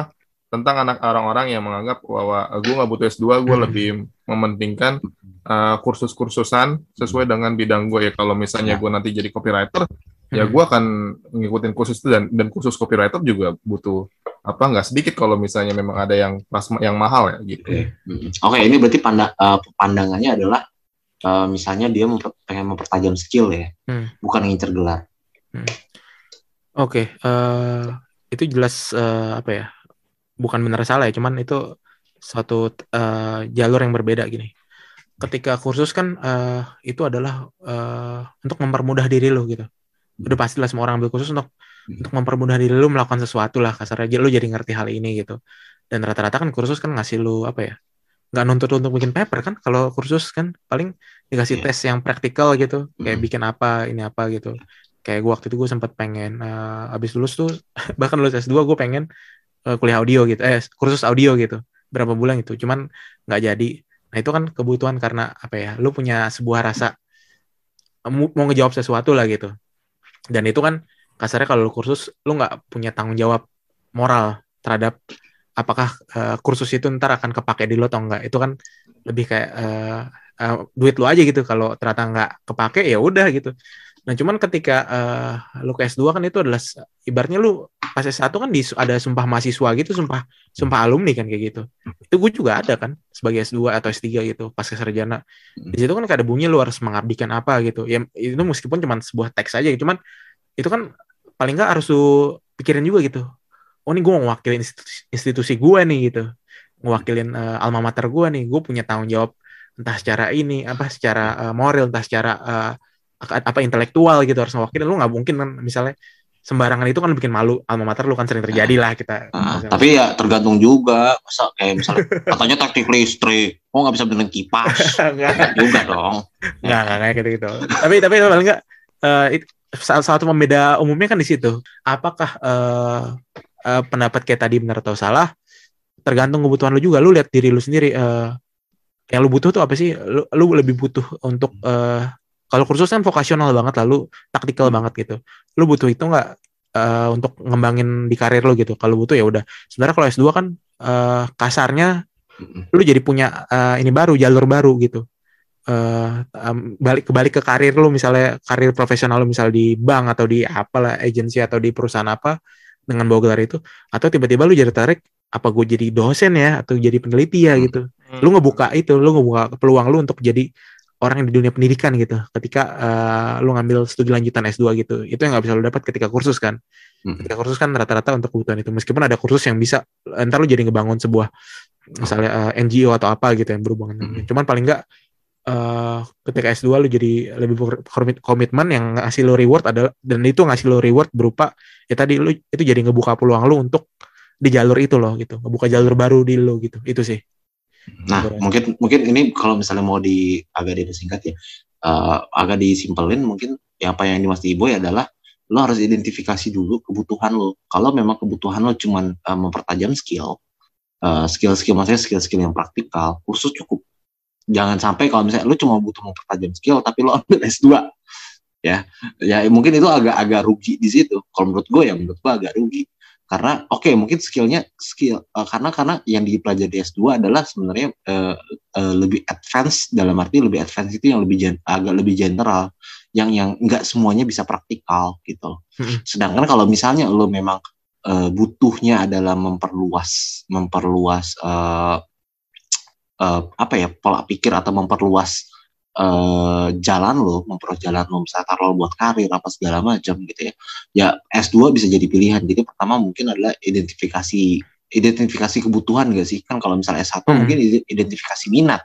Hmm. Tapi yang yang S2 itu adalah identifikasi eh, identifikasi kebutuhan. betul Gitu betul nggak sih menurut lo? betul, betul more or less kayak gitu sih Ah, ini berarti kita ngomongin biaya. Tapi gua nggak mau ngomongin berapa.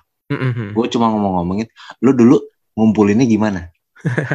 Nah, bikin malu kalau biaya, kalau biaya mah ya lah, ya Mas Mbak ya Google aja. ya jadi eh, nominalnya kan pertama udah pasti cukup besar ya gitu Mm. dan ya kalau mau dihitung-hitung sekitar 4 5 kali UMR nggak sih? eh iyalah mungkin enam kali ya mungkin Hmm. ya enam lah ada lah Ya. nah eh, lu bayangin aja eh, Weber orang apa nih? Weber Jogja. Kalau UMR Jogja mungkin bisa 10 kali lipat, 15 kali lipat. mungkin. gue nggak tahu deh kalau soal itu cuman cuman ya lu bisa kebayang lah nominalnya udah eh, kebeli motor-motor CC gede lah gitu Mm. ya mahal lah gitu nah ya lu bayangin aja orang yang lulus S1 mungkin nggak nyampe setahun udah harus suruh bayar itu possible nggak ya possible kalau gue kerjaannya misalnya apa gitu dulu nggak ada kripto Uh-uh. nggak ada ini sih ya jadi kita tidak Iya. tidak tahu cara kon- investasi di situ cuman ya gue realistis sih waktu itu sebenarnya gue udah kerja cuman eh, ya nggak udah pasti nggak akan nutup sih kalau untuk itu soalnya kan di muka tuh harus bayar gede banget ya masuk S2 Iya, gitu betul. Sementara pilihannya adalah jalur jalur bayar sendiri atau jalur Ya. beasiswa gitu ya, ah, ah. nah ini yang agak ya. Lu nggak bisa nyicil uang muka. bisa bisa Oh. bisa bisa cuman bisa. cuman Eh, bisa. eh bisa bisa bisa bisa tiga Oh. kali sama kayak satu lah kalau salah. Nah cuman beasiswa nih gue garis bawain nih. Nah waktu itu IPK S1 gue nggak mencukupi sayangnya gitu. Kalau nggak salah tuh 325, gue 319 apa gitu. Ah damn. Coba nggak ada Gue dapet baru, C gua gitu. baru, gua baru mau bilang. Iya, nggak usah disebutin. Iya. gitu itu. Ya jadi otomatis eh, say goodbye tuh jalur beasiswa. Meskipun mungkin ada beasiswanya cuman gue ngerasa Hmm. nggak lah nih orang Ya. kayak gue yang ini kayaknya lebih baik jalur mandiri dan akhirnya Ya. Kebetulan waktu itu kan ini hasil eh, negosiasi juga sama orang tua ya. Kayak mereka pengen juga gitu terus juga gue ngerasa eh, why not gitu. Gue ngerasa butuh juga gitu. Jadi Hmm. ya udah eh, sebagai bentuk kompensasi ya dari orang tua gue yang nge-support untuk eh, biaya S2 sih. Dan ya gue nggak malu juga cuman karena itu kan emang eh, ibaratnya kayak part orang tua jadi kayak partner bisnis gue lah di situ. Ya. nah gue ngerasa gitu sih. Jadi bukan karena orang tua maksa untuk nih bayarin S2 enggak. Ini benar negosiasi. Soalnya gue waktu itu lagi kerja juga jadi kayak Hmm. Eh, ya udah berarti harus ada yang gue korbanin dari kerjaan gue gitu untuk kuliah juga gitu ya udahlah jalan tengahnya apa ya udah di ini cuman ya untuk daily ya gue bisa cari sendiri gitu Hmm. itu sih itu bentuk eh, negosiasi kayak gitu anggap aja kayak partner bisnis lah waktu itu Hmm. itunya itu sih secara funnya dari situ Hmm. Nah, kalau misalnya eh, kalau semesteran lu eh, masih dibantu orang tua atau gimana? Nah, sebenarnya gue waktu itu planning semester eh, semester 3 sih kalau semester 2 tuh masih. Eh, semester 3 tuh sama eh, tesis tuh planningnya tuh gue pengen sendiri ya. Hmm. Karena eh, kebetulan kan waktu itu gue kerjaan gue karena remote ya jadi aman lah sebenarnya gitu. Hmm. Cuman eh, yang enggak yang di luar prediksi gue adalah di semester 2 dan 3 itu semester 2 terutama itu susah banget kuliahnya cuy. Jadi Hmm. kerjaan gue gue lepas nggak Hmm, bisa soalnya gue oke, nggak oke, bisa oke. itu bener berasa nggak bisanya gitu Hmm. Dan sementara gue mau ngejar kan dua tahun ya gue nggak mau extend gitu Hmm. eh gue lihat sih ada case yang sampai tiga tahun dan akhirnya uh, kerja milih uh, ngutamain apa kuliahnya lebih ringan tapi bisa kerja Hmm. gitu sementara gue Hmm. gue nggak nggak mau ke arah situ gue ya udah uh, gue tabraknya nih kuliah sesusah mungkin gitu seberat mungkin gitu Hmm. ya cuman expense-nya adalah gue jadi uh, kerjaan gue jadi bener-bener kayak cuman tadinya mungkin ada tiga gitu cuma bisa satu doang yang gue handle gitu itu akhirnya ya untungnya sih on time ya eh, dua tahun gitu dua Hmm. tahun langsung kelar jadi ya udah nggak bebannya di situ aja lah beban ininya jadi ya apa ya ya itu sih ada hal-hal yang nggak terduga ya ketika eh, lu mau ngerencanain itu bisa aja eh, tiba-tiba kok kuliah jadi susah banget nah di situ lu Hmm. harus harus harus bijak nih Hmm. apakah eh, lu ya udah gue extend aja jadi kuliahnya gue ambil lebih lebih slow cuman gue bisa kerja atau atau gue papras semuanya sampai kelar on time cuman ya kerjaan gue ada yang gue korbanin itu sih itu itu dilema juga dan eh, setiap orang beda ya ininya Hmm. cara milihnya Nah, itu kita kita mungkin nggak ngomongin itu, tapi itu itu menarik. Karena gue yakin banget pasti ada orang-orang yang kemudian dilema dan bingung gitu ya. Biarpun mungkin kalau S2 nggak bakal nanya di Menfest ya. Eh, Bangsat, bangsat. yang pengen gue tanya adalah eh, ketika itu terjadi, ketika lu mengalami dilema antara kerja atau kuliah, eh, apa sih pertimbangan yang lu masukin? Faktor-faktor pertimbangan apa aja yang lu masukin? Ya kalau milihnya apa nanti ya terserah lah ya. Hmm, Cuman hmm. faktor-faktor apa yang biasanya lu mas yang yang yang kemarin lu masukin Hmm. sehing- sehingga lu milih ya udah kuliah deh atau misalnya eh, faktor-faktor apa yang yang lu masukin oke Eh, pertama eh, salah satunya adalah experience gue ketika S1 ya S1 kan gue boleh bilang nggak lulus on time gitu jadi gue lima tahun S1 eh, dan itu berarti gue harus ibaratnya skripsian sama angkatan di bawah gitu. Nah eh, lo kan ngerasain hal beda ketika lo bisa ngerasain tuh bareng-bareng temen sangkatan iya lah temen lah. Cuman bukan faktor positif cuman kayak eh, Besti. rasa so- rasa solidaritasnya akan lebih berbeda gitu. Ketika lu misalnya ntar akhirnya harus ngelarin tesis sama barang angkatan di bawah gitu. Meskipun kalau tesis rata-rata udah individual ya nggak terlalu grouping gitu. Nah cuman eh, lu akan ngerasa kesepian banget. Dan itu gue ngerasain pas S1 skripsi gitu. Sendiri gitu kayak nggak ada support system lah dalam tanda kutip gitu. Susah banget gitu. Dan itu akan itu akan terjadi kalau gue misalnya let loose itu gue eh, ini gue apa uh, periode kuliah gue gitu biar Hmm. biar lebih lama cuman gue bisa kerja gitu. Nah itu itu yang jadi ya sedikit traumatis di gue makanya gue nggak nih gue harus bareng anak-anak angkatan inilah gitu. Dan ternyata eh itu apa ya lumayan rewarding dalam artian Hmm. ternyata pas eh, ngerjain tesis bahkan dibikin sangat-sangat sangat-sangat apa ya kolektif gitu. Jadi kayak di satu ruangan di gedung 7 di FIB adalah satu gedung gitu. Satu ruangan itu lu dikumpulin sama eh, misalnya tiga mahasiswa yang lagi tesisan juga. Ini rutin biasanya tiap seminggu dua kali gitu hari Selasa sama Kamis kalau nggak salah dikumpulin di ruangan ada mahasiswa S2 sama berapa mahasiswa S3 yang lagi lagi disertasi gitu. Jadi eh, lu dikasih sebuah grup ya support system lah kasarnya gitu yang bisa tukar pikiran dan bantu lu gitu nih harus meneliti apa sih? gitu. Jadi kayak ada eh, semacam rasa kebersamaannya gitu. Hmm. jadi lu nggak ngerasa ngerjain sendirian gitu. Dan itu Hmm. emang kayaknya di di push sama eh, jurusan sama fakultas sama fakultas ya. Gue nggak tahu sih di jurusan lain cuma di jurusan gue di push gitu. Jadi nggak ada yang ketinggalan lah gitu. Di Hmm. utamain. Soalnya mungkin ya mungkin gue nangkepnya eh, kalau di S2 terutama gue sering lihat case dibiarin sendirian gitu ngerjain antara ngilang beneran ngilang kalau S1 mungkin masih bisa balik ya S2 Ya, tuh masih kalau bisa. ngilang Masih bisa S2 dicari lah. iya S2 ngilang kerja ya udah berkeluarga ya udah gitu Ah, lewat ah, itu ah. banyak juga case-nya gitu Ya. dan nggak salah juga cuman cuman mungkin waktu itu salah satu bentuk antisipasi dari eh, fakultas ya kayak gitu jadi eh, di grouping itu dan itu adalah buah dari decision gue yang tadi kan yang Hmm. gue mauin sama mereka gitu dan ternyata ya ada lah jawabannya kayak gitu meskipun gue nggak expect akan dibikin ada kayak grup sistem gitu ya cuman Ah. cuman itu salah satu landasan gue karena nggak enak coy ngerjain sendirian udah itu deh Hmm, ya berarti berarti nggak jauh beda lah ya sama maksudnya di di di bagian itu nggak jauh beda lah ya sama S1 ya lo lo tetap butuh support system ya atau atau ya minimal ada yang ngerjain bareng ya. iya ada ada teman Hmm. sependeritaan yang bisa lu sharing lah gitu itu sih bener sih bener bener soalnya gue juga nggak apa ya gue kadang gue juga merasa bahwa ya gue gue kadang kadang masuk kadang kan ngobrol-ngobrol sama sama yang S2 kan karena rata-rata kalau Hmm. sejarah tuh S2 tuh linear jadi sebenarnya ya ya ya udah pernah ketemu juga di sebelumnya gitu Hmm. bahkan bahkan bahkan mungkin pernah satu kelas gitu kan Hmm. karena karena karena ada beberapa ya kelas yang yang harus diambil barengan gitu Hmm. nah kalau menurut lo kalau misalnya masalah tinggi itu atau misalnya masalah ya diskusi temenan kayak gitu Hmm. Eh, perbedaannya seperti apa sih maksudnya ya gue yakin pasti beda gitu maksudnya Hmm. lo bilang tadi ada mungkin yang yang langsung harus langsung pulang karena kerja atau ada Hmm. yang langsung eh, apa ya ada yang langsung harus Hmm. ngurus keluarganya segala macam nah Hmm. kalau menurut lo di S2 itu eh, untuk grouping temenan atau sekedar Hmm. punya untuk diskusi deh untuk Hmm. diskusi diskusi tentang pelajaran tuh sulit apa enggak? Oke. Eh, ini salah satu yang gue syukuri dari eh, S2 di FIB terutama ya. Hmm. Eh, karena kan ya lo tahu tadi jam kuliahnya kayak gitu. Jadi ini orang-orang yang udah pasti ada punya spare spare waktu lebih lah di hari apa ketika hari kuliah gitu. Dibanding misalnya kayak eh, misalnya di fakultas lain yang kuliahnya malam gitu. Eh, kuliah malam atau kuliah sore gitu. Itu kan udah pasti lu nggak ada waktu untuk itu lagi kan. Nah, kalau di gue biasanya kelar kuliah itu jam eh, satu atau jam 2 nah nongkrong dulu bisa nongkrong dulu jadinya kayak ngopi dulu atau Hmm. ngobrol gitu loh. Jadi salah satu ya tentu bahan obrolannya kalau dibanding sama S1 beda ya. Kalau S1 kan Hmm. lu bisa ngomong yang receh yang eh, ngomong wibu lah, anime apalah segala macam bisa lu bahas.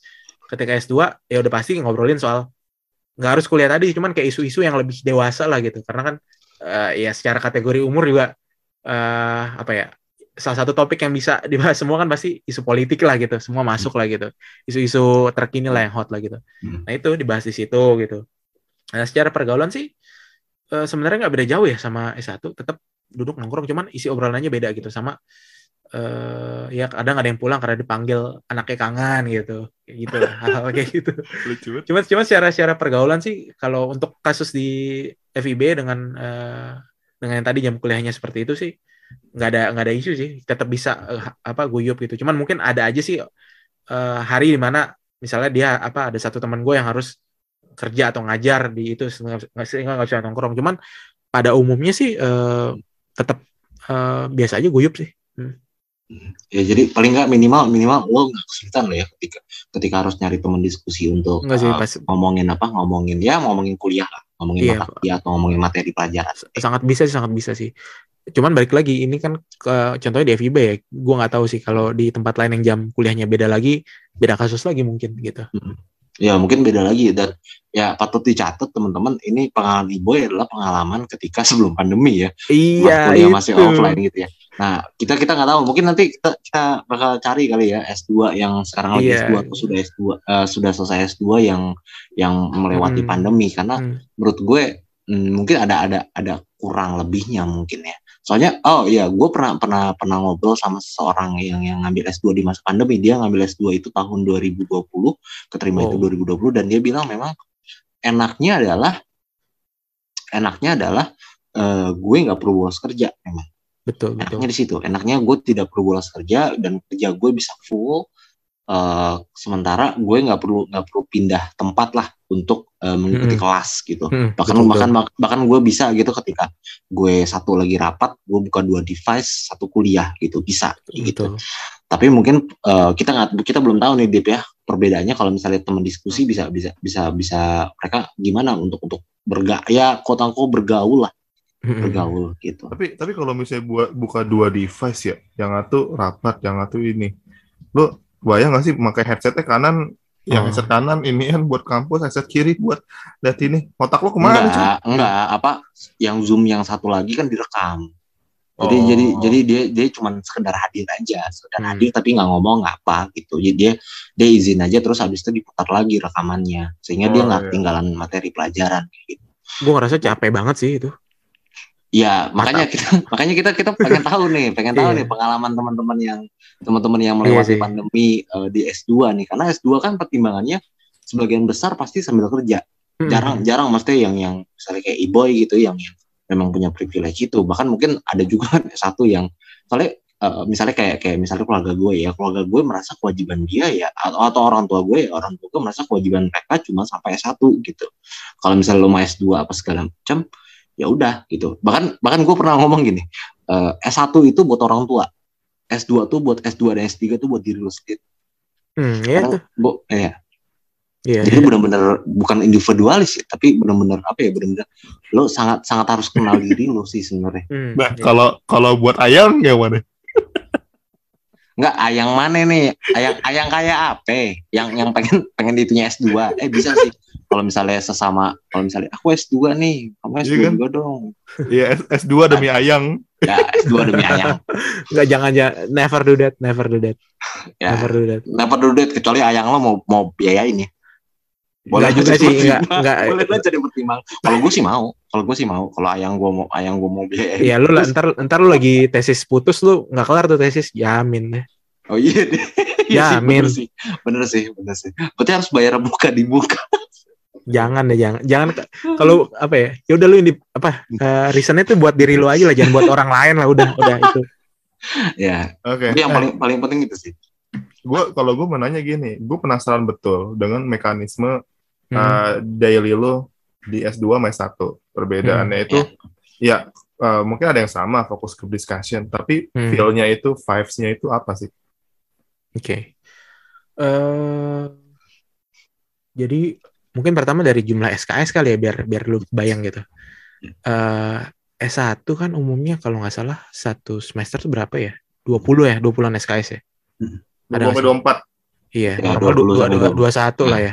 Kayaknya di semua Ya, kampus kayak gitu kan rata ya. Ya. Di semua kampus rata. Jadi itu kan asumsinya dalam sehari itu itu akan ada berapa berapa empat empat mata kuliah ya? Eh berapa sih? Iya empat Hmm, empat SKS kan dalam sehari lu kalau di rata-rata kan ada empat SKS. ya, bener rata-rata pakai SKS. 4 SKS ini kan eh, jam kuliah, gue gak tahu sih jam kuliahnya kan kayak gimana ya, cuman eh, kalau di S2 itu S2 kalau gue nggak salah ya 40 kalau nggak salah 40 sampai 45 selama 2 tahun gitu 4 SKS jadi jadi lo kebayang lah dua satu semester tuh 12 gue 12 sih gue gue rata 12 SKS gitu. Jadi eh, satu hari sebenarnya satu kuliah doang. Hmm. kecuali ada yang di split gitu lah ada ada yang ada yang apa kan tiga jam rata-rata ya ada satu jam di hari Senin dua jam di hari apa itu Hmm. jadi sebagai gambaran sehari sebenarnya lu akan ketemu paling nggak satu kuliah doang satu sampai dua kuliah lah paling banyak sementara ya satu kan lu bisa tiga kan tiga sampai empat bahkan Betul. Hmm. Ya. Eh, ya lu kebayang ketika satu tiga sampai empat kuliah Hmm. se- capek apa itu di mata kuliah terakhir udah nggak ada udah Ya. nggak ada energinya gitu Waktunya itu tidur. itu sebenarnya juga dosennya males itu itu kan, itu kan sebenarnya kan eh, apa yang yang ngatur jadwal kan sebenarnya bukan bukan dosen itu Iya, itulah makanya. Eh, pokoknya intinya eh, kalau S1 eh, lu mungkin masih fresh di awal, masih di akhir dan di awal pun juga kalau kelasnya segamreng kan lu paling bengong Hmm. doang kan. Kalau misalnya 50 orang eh, ya kecuali lu ambis ambisius banget lu mungkin bisa duduk di depan ini. Cuman Hmm. kalau lu biasa-biasa aja paling duduk di tengah atau belakang ya udah dengerin aja gitu. Terus Hmm. ngobrol apa, denger- dengerin lagu Spotify apa gitu. Lewat aja lah kuliah gitu. Ntar Hmm. baru belajar ketika gitu.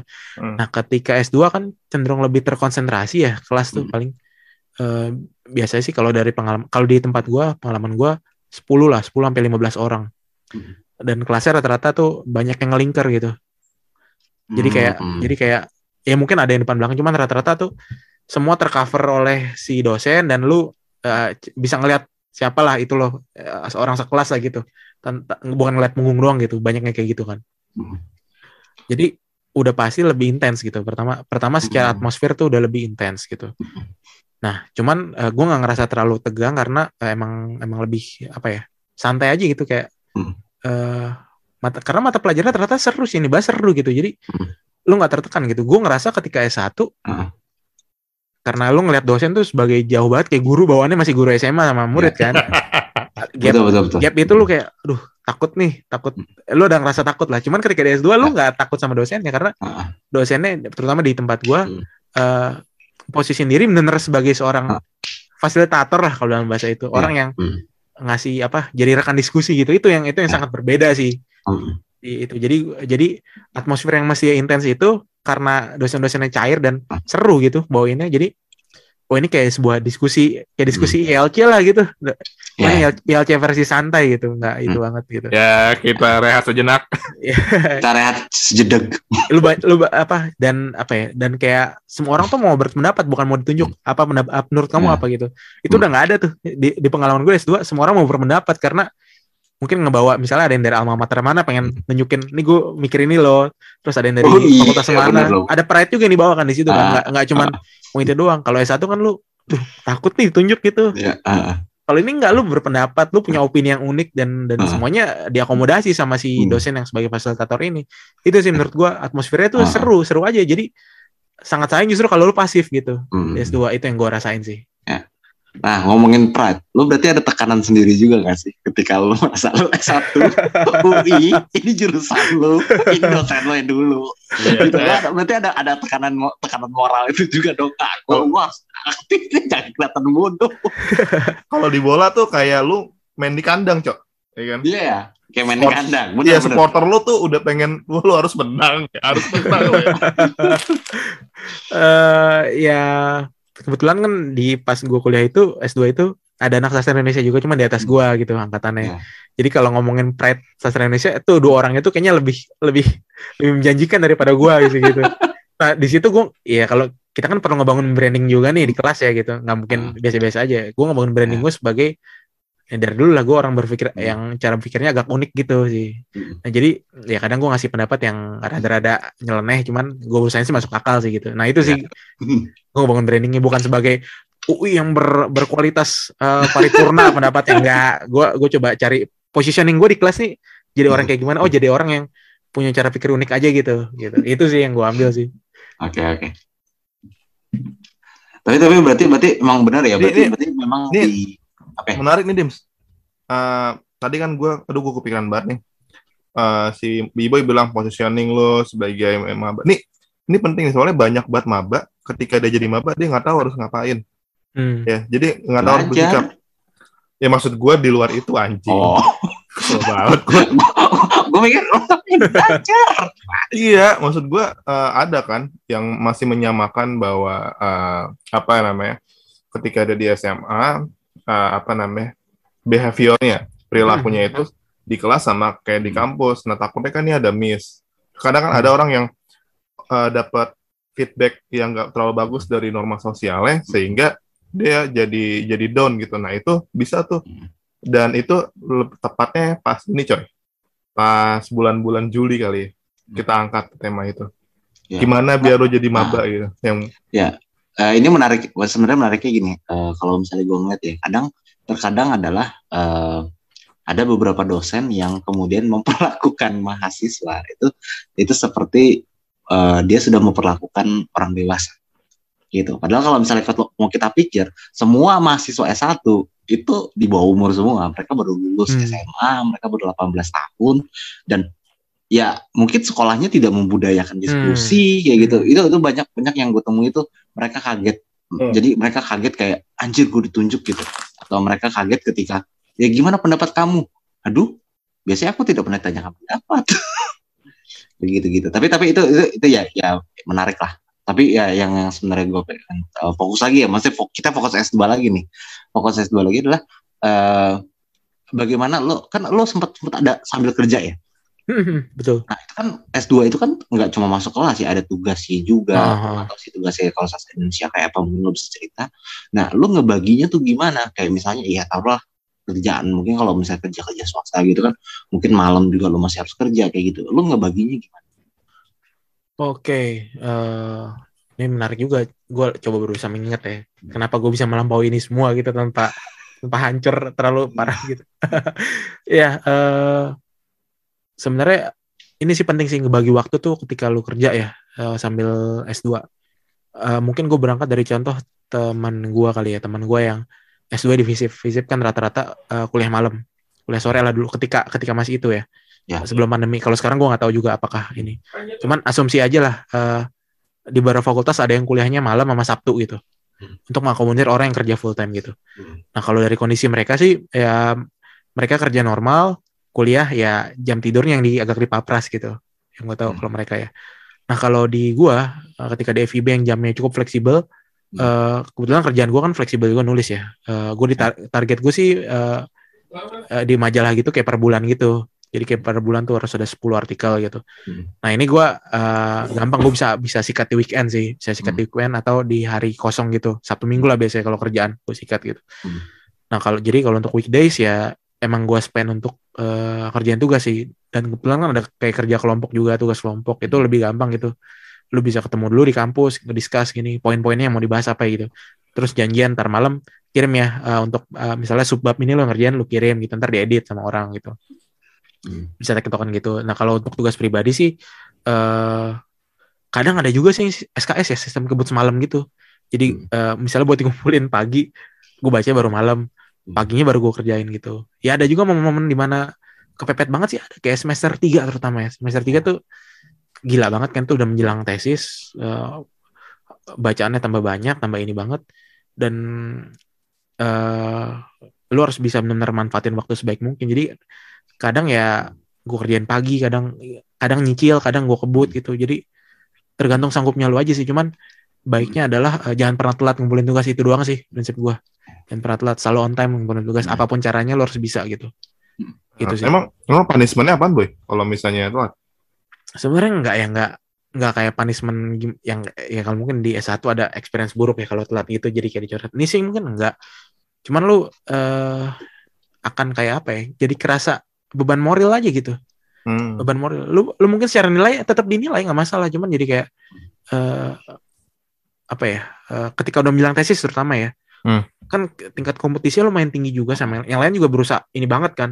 Hmm. Kecap banget gitu. Nah, yang lain ngumpulin on time lu enggak lu jadi ngerasa aduh anjir gua ketinggalan nih. Itu ada loh perasaan-perasaan kayak gitu. gitu. Hmm.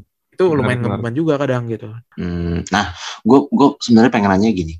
Oke, mungkin masalah perkuliahan, oke ya, masalah perkuliahan lo lo bisa ngejadwalin apa segala Hmm. macam. Eh, apa tugas kelompok lo bisa mungkin bisa minta maaf kelompok lo terus ya udah dikoordinasiin segala macam. Nah, ketika penelitian untuk tesis Hmm. Atau untuk ya untuk tugas akhir, kan lo Hmm. benar-benar se- satu, satu lo benar-benar sendiri, Hmm. kedua lo juga mungkin masih ada tanggung jawab lain misalnya Hmm. kerjaan apa segala Iya. macam lo ngaturnya gimana karena menurut gue ini kata krusial banget gitu loh kayak Hmm. kayak kita misalnya S1 aja deh S1 tuh benar-benar kelimpungan banget dari data Hmm. gitu semua kelimpungan segampang apa pun tema Hmm. lu gitu. nah lu gimana ngaturnya itu ketika lo Oke. penelitian Oke. Ini berarti semester 4 masuknya ketika Hmm. udah fokus itu. Nah, salah satu yang gue syukuri dan gue mungkin ngerasa sampai sekarang masih bersalah ya, gue dapet seorang pembimbing yang sangat-sangat eh, luar biasa. Dia profesor lah, Prof, eh, Prof. Melani dia ini banget lah, Eh, a big name lah di di dunia akademis gitu. Nah, big ada- name banget itu big name banget kan, iya. Ah, ah, jadi name. jadi lu sebagai seorang seorang anak bimbingan, lu punya responsibility untuk bisa ngeres up, untuk bisa catch up sama apa yang dimau gitu. Dan betul. dan kebetulan dia orang yang sangat care. Jadi care dan mau nuntun gitu. Jadi emang tiap minggu lu dikasih target gitu. Hmm. target. Jadi pilihan lo ada dua ketika dikasih target kan. Eh, either you make it or break it gitu. Kalau lu make it lu akan keep up tiap minggu tiap minggu tiap minggu. Disuruh progres lu akan progres kalau lu break ya udah lu tiba-tiba ngilang gitu. Dan itu sangat mungkin terjadi kan. Lu udah sering nemu juga mungkin di S1 di mana Iya. gitu kayak gitu. Hmm.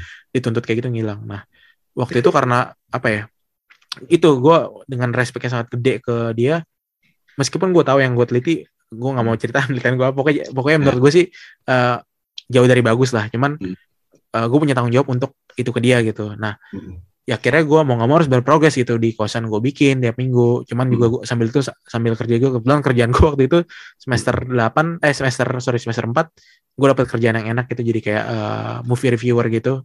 Jadi ya itu sekalian refreshing gue gitu. Kerja sekalian refreshing gue nonton film bikin review gitu. Itu bagian dari refreshing gue gitu. Dan itu nggak ngeganggu sama sekali eh, kegiatan tesis gue gitu.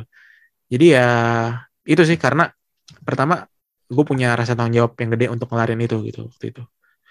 Nih nih sebenarnya gue eh, apa yang gue ambil dari obrolan ya eh, pertimbang lo minimal ya ketika lo mau S2 hmm, lo pertimbangin tiga hal sebenarnya. Eh, yang tadi sebutin ibu itu ada finansial. Satu yang lo harus pastiin nih finansial lo cukup sampai lo lulus gitu ya. Maksudnya ya jangan sampai lah lo di petangan terus gimana gimana gimana gitu.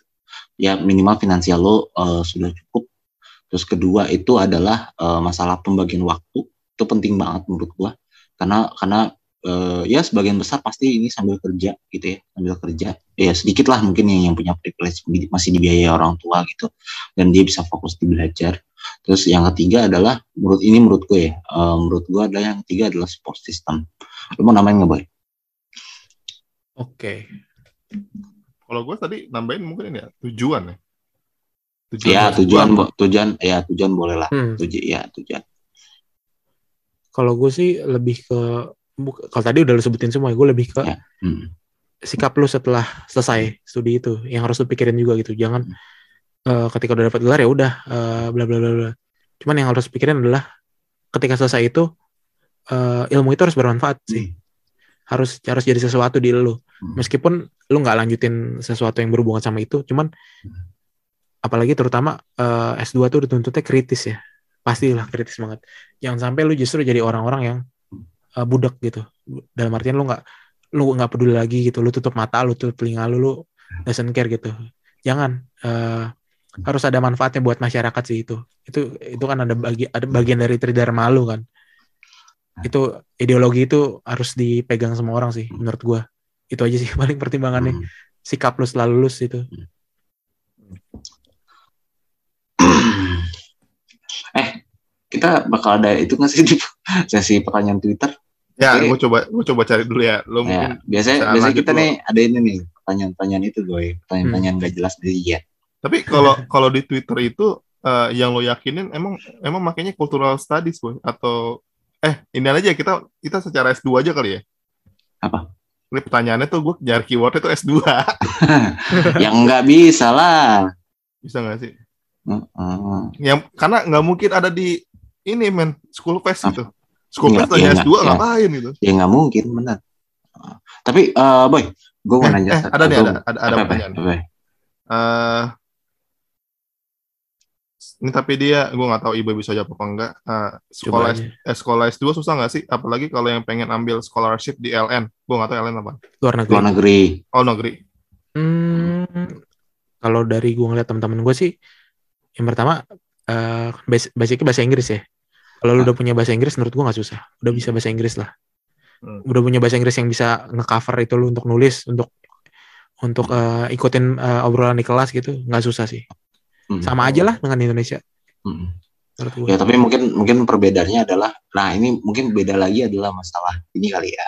Kalau gue sih bilangnya mungkin perbedaannya lagi adalah ketika lo eh, mungkin manage. Soalnya soalnya support system kalau misalnya Iya, di betul. luar negeri mungkin lebih sulit lo lo nyarinya gitu. Faktor non akademis ya Nah, justru yang Ya ini. faktor itu non sih paling akademis gitu. susahnya di situ sih kayaknya sih. Ya udah nanti kita cari lulusan luar negeri buat kita Hmm. wawancarain. Ah, ada sih banyak lah, anak Banyak. banyak yang luar negeri. Kayak dosen di FIB Iya, banyak dah. Ah, ah. Ya cuman kita nggak tahu asik. Hmm. Nah, kalau misalnya uh, gue tadi ngomongin adalah Eh, ini gue sambil nyari ya. Apa ya uh, ngomongin matkul sebenarnya Hmm. Eh, matkul-matkul di S2 itu eh, sebenarnya lebih ke apa sih? Gu- di kepala gua adalah itu sebenarnya matkul S1 yang Hmm. yang memang lebih advance.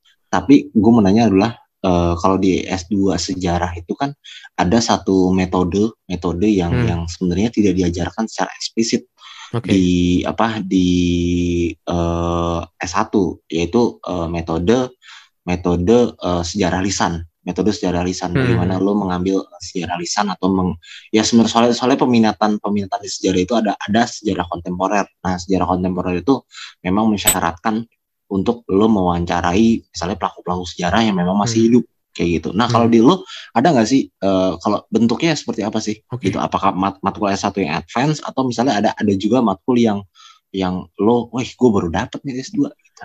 Oke. Eh, ini mungkin balik ke tadi yang gue pernah bilang. eh, karena kan kalau di gua, di gua cultural studies ya, cultural studies itu emang eh, sastra Inggris banget lah, Inggris banget lah, pemikiran Inggris banget. Sementara gue datangnya dari sastra Indonesia, udah jelas pasti ada banyak sekali perbedaan. Nah jadi gue kurang tahu nih kalau misalnya apakah yang di cultural studies ini tuh eh, paralel sama yang dipelajari anak sastra Inggris, gue kurang tahu karena itu. Cuman cuman kalau harus ngelihat based on eh, sastra Indonesia, sebenarnya ada beberapa yang eh, kayak ketika kan kalau di S1 kita cenderung lebih general ya, lebih hampir semua kan di di cover. Cuman ada materi spesifik yang kayak cuman eh, kalau di di ini cuman eh, satu hari doang dibahas gitu terus nggak itu. Nah, itu dibahas tuh beberapa hal spesifik misalnya kayak di gua ambil contoh mungkin eh, teori kritis ya. Itu Hmm. salah satu yang seru itu kan ngebahas pemikiran-pemikirannya orang-orang Jerman ketika eh, eh, perang dunia lah, abad abad apa abad abad 20 awal gitu eh, gimana mereka eh, ngekritik eh, sistem budaya, kritik industri, kapitalisme segala macam. Itu sebenarnya eh, mungkin udah gue dapet dulu ketika eh, ambil kuliah filsafat dulu pernah ada. Cuman itu cuman muncul dikit doang gitu, karena periodik kan gitu. Ya. Nah di sini jadi ditekankan gitu. Itu justru periode penting ketika lu harus ngekaji budaya karena di situlah banyak pemikiran-pemikiran. Nah itu banyak kayak gitu tuh. Jadi kayak hal-hal yang cuman kayak periodik ketika S1 lewat dijelaskan secara ada orang nama ini berpikir ini udah lewat ketika ada S2 ternyata apa pemikirannya itu penting dan itu yang di, di, dielaborasi lebih lanjut sih. Eh, ini ini sekarang kita ngomongin mengerucut kan tadi kan kita ngomongin eh, sebenarnya kita lebih banyak ngomongin S2 secara general. Nah, kita ngomongin S2 S2 lo nih, Hmm, ilmu susastra. Iya. Eh, kalau misalnya lo ditanya Oke. eh misalnya ditanya eh, ngambil ilmu susah eh ngambil S2 ilmu susastra itu Hmm. atau kultural studies itu cocoknya buat orang-orang yang pengen meneliti apa sih atau orang yang tertarik apa sih Ini pertanyaan yang bisa gue jawab secara lucu sih. Eh, yang cocok adalah SJW SJW Twitter. Enggak, ya, enggak, silakan ah gue nggak mau sebut deh gue nggak mau sebut enggak, SJW. enggak, enggak, enggak. Eh, sebenarnya lebih ke orang-orang yang punya concern terhadap eh, orang-orang yang ngerasa apa ya, ngelihat ada yang nggak beres deh. Hmm. ada yang nggak beres jadi apa di masyarakat kita Hmm. apa pun itu entah di tingkat masyarakat entah di tingkat eh, pemimpin segala macam Hmm. Ketika ada orang yang ngerasain keresahan itu menurut gua lu wajib ke susastra sih satu gitu orang-orang kayak gitu. Yang kedua mungkin ya tentu orang-orang yang eh, emang punya cinta di sastra sebagai karya atau orang-orang yang eh, emang suka pertunjukan daerah gitu kan ada tradisi lisan ya di susastra gitu. Orang-orang kayak gitu cuman kalau untuk cultural studies sih yang gue lihat sih emang apa ya eh, ada dua tipe sih ada dua tipe orang ya. Hmm. orang emang suka sama budaya populer budaya pop entah itu film entah apa gitu itu kan di di kita ruang ruang studinya banyak tuh ruang untuk dikajinya gitu film secara Hmm. ini kritis apa bla bla bla bla. sama orang-orang emang eh, dekat sama aktivisme gitu lingkungan atau apa gitu dia ngerasa eh eh, kayak yang lagi viral ini tuh di Jawa Tengah itu Hmm. itu sangat bisa dikaji kan sama eh, sama ilmu cultural studies gitu. Nah orang-orang yang punya concern kayak gitu sebenarnya cocok. Kenapa? Karena kita ngebahas banyak itu. Karena dasarnya cultural studies kan dari apa ya? Dari itu, dari budaya orang-orang biasa gitu yang yang nggak di yang nggak dianggap gitu. Kasarnya gitu lah. Nah. Jadi co- cocok dua kategori orang itu. Hmm. Nah, Oke, ini ini ini yang tadi diomongin sama eh, ibu ya benar-benar cocok banget buat buat SJW sih. ya, Ya bisa jadi pilihan lah ya. iya. bisa. Kan, buat Oke. teman-teman yang mungkin sedang mempertimbangkan mau S2 terus tiba-tiba eh, mungkin em, mendengar episode ini mungkin buat teman-teman yang punya konten seperti itu bisa Iya. menjadikan ilmu susastra terutama di apa ya di eh, cultural studies atau kajian kebudayaan untuk apa sih untuk memilih jurusan ini. Hmm, ya. Kalau Nah, biaya cari sendiri. Iya. kalau gue berhubung de- ini pertanyaan ini mengingatkan gue gini sih. Eh, ketika lo S2, lo Mhm. itu kan pastinya eh, diksi lo nambah, istilah-istilah lo nambah, Betul. dan mungkin eh, ketika lo melontarkan pendapat, premis-premis yang lo ucapkan mungkin sangat berbeda dib- dibandingkan yang satu. Nah, Mm-mm. pertanyaan gue, eh, ketika misalnya lo menemukan eh, di S1 lo belajar ini dan S2 lo, lo lebih dalam. Nah, lo pengen ngejelasin ke anak-anak tongkrongan lo gitu Hmm. tentang sesuatu fenomena. Iya. Ini gue juga ngerasain betul sih. Gue masih sekarang masih kesulitan gitu. Gimana gimana ya ini biar dia ngerti gitu. Kalau takutnya ataupun pas lu lagi nulis ya eh, Hmm. pakai istilah-istilah tinggi dan Hmm. malah jadinya kayak tulisan lu malah pamer ajang apa ajang pamer intelijensi gitu. Hmm. Nah, lu itu di S2 itu eh, di S2 UI ini, di FIB ini dapat nggak skill itu untuk bisa mendeliver dengan baik dan akhirnya lu bukan orang yang pamer intelijensi lu aja gitu. Eh, mungkin mungkin kalau misalnya mau sederhanain eh, perubahan pola pikir apa sih yang lo rasain eh, berubah di diri lo dibandingkan ketika lo habis lulus S1 mungkin ya kalau ya benar sih kalau gue lulus S1 tuh atau misalnya gue habis kelar matkul apa tuh biasanya gue norak banget sih Nah, norak gitu gua gua lebih penekanannya ke bagaimana lu mendelivernya gitu sih. Ketika Ah. harus buat ke kantin, ke pedagang-pedagang Ah. gitu. Hmm. misalnya ke orang awam lah awam Eh, ini pun sebenarnya sam ini apa ya ini proses belajar seumur hidup ya untuk apa Hmm. untuk lu bisa menyederhanakan apa Hmm. isi kepala lu gitu tanpa harus mengeluarkan name dropping istilah-istilah yang berat gitu. Nah gue ngebaginya mungkin ke dua eh, bukan dua fase ya mungkin dua dua medium ya. Pertama di tulisan ya di tulisan jujur eh, tendensi itu masih ada untuk nulis sekompleks seibaratnya se edgy mungkin lah kalau bahasa kita. Kalau dulu apa ya media yang kayak gitu tuh jurnal Dia ruang apa? pikir dia yang paling Dia yang paling hebat eh paling edgy ya dulu eh, ya dan gue juga ketemu kan banyak lulusan eh, S2 cultural studies yang kerja di media-media kritis Hmm. dan ada beberapa yang terjebak sama name dropping termasuk gue juga pernah gitu cuman ada juga yang udah bisa berusaha lepas gitu nah Hmm. ini adalah proses yang sulit sih kalau secara tulisan ya karena ini sih yang apa ya karena tulisan tuh kan kita Hmm. memperlakukan tulisan terutama orang-orang yang humaniora ya sebagai sebuah branding lo kan sebagai sebuah Hmm. Ya, eh, betul. portfolio Sangat- lo itu sangat susahnya betul. itu Selling Karena- point-nya di situ. karena Betul. tulisan lo adalah portfolio lo kan untuk orang humaniora jadi Ya. eh, menghindari untuk nggak se edgy mungkin tuh agak susah karena apalagi eh, ya itu nilai jual lu kan kalau lu cuma Hmm. nulis biasa-biasa aja kan siapa lu gitu nah Iya. kalau tulisan sih gue masih susah menghindari cuman gue udah mulai bisa ketika eh, akhirnya gue gue menerjemahkan kayak hal-hal populer gitu dengan bahasa yang simpel aja ngambil contoh-contoh analogi yang gampang gitu untuk Hmm. tulisannya cuman kalau untuk tulisan ya kita tahu ini agak dilematis cum- apa Hmm. karena ada kebutuhan portfolio juga ada kebutuhan tapi lu juga pengen ngejelasin biar ngejangkau banyak orang gitu nah kalau untuk lisan eh gue hampir eh, kalau untuk ketika ngobrol ke anak S1 ya karena kan Hmm. ketika eh, S2 itu kan gue juga masih interaksi sama banyak anak S- S1 gitu. Dan kita sering bahas gue sering nge-trigger hal-hal yang seru untuk dibahas sih hal-hal kritis gitu. Nah eh kayaknya gue hampir nggak pernah untuk make istilah yang terlalu menara gading deh. Kayaknya gue ngegalinya tuh dari hal sederhana gitu. Coba pikirin deh permasalahan nah gue ngegali dari permasalahannya gitu Hmm. Eh, mungkin gak sih kita gini, gini, gini? Jadi lu datang dengan pertanyaan yang sederhana gitu. Dari situ kan ada interaksi ntar mungkin ada orang yang nimpalin gini. Nah, di situ lu sebagai orang yang eh, udah belajar lebih banyak, nah di situ lu bisa ngebaca oh nih eh, reading the room lah ibaratnya di ruang ini nih orang-orang nih ngobrolnya tuh di ini apa sih di bukan di level ya mungkin di Hmm. di scope apa sih Hmm. ya udah eh, kita main di situ aja gitu tanpa Hmm. harus lu nyebutin iya menurut Adorno menurut apalah eh, menurut Said apalah hmm, yang nama-nama keren gitu. Nah, lu nggak harus nurunin itu. Jadi lu reading di rumah. Cuman ketika lu di room itu ternyata orang-orangnya se ekstrim pintar itu juga, hmm, waduh ya udah lu mesti keep up juga kan gitu. ya betul betul mungkin, eh, berarti S2 itu nge- ngasih lu chance untuk bisa reading the room lebih baik gitu. Nih ya orang ini kayak apa sih ngobrolannya? Oh ya udah, gue ikutin gitu. Itu sih paling caranya. ya mungkin kalau S1 mungkin menurut si Anu ya kalau S2 mungkin Iya. lebih pada ya menggali masalah Iya, kita- kita come up dari-. Kita come up dari problem aja gitu. Eh lu gimana Ya. denger berita itu gitu. Gitu, gitu. Terus kalau udah S3 menurut saya Iya. itu udah beda beda cerita lagi. ya. gue gue gue menantikan banget sih sebenarnya ngobrol sama S3 Menarik tuh, Dim. Ya, siapa tahu kan? Ya, saya sih udah nggak pakai teori. Menurut saya aja. gitu. Oke. Oke. Ini Ini benar-benar benar-benar menarik sih. ada pertanyaan dari Twitter nih, Dim. Akhirnya ketemu juga gua. Apa? Ini dari college. Jadi kalau yang nanya S2 tuh nggak mungkin di school fest ya, Iyalah, ataupun di SBMPTN fest. iyalah. Hmm, lagi sibuk hmm, mikir gimana caranya eh biar Lolos foto undangan. foto mereka foto Oh iya, mereka foto. pas di LTMPT. ya banget. TPT.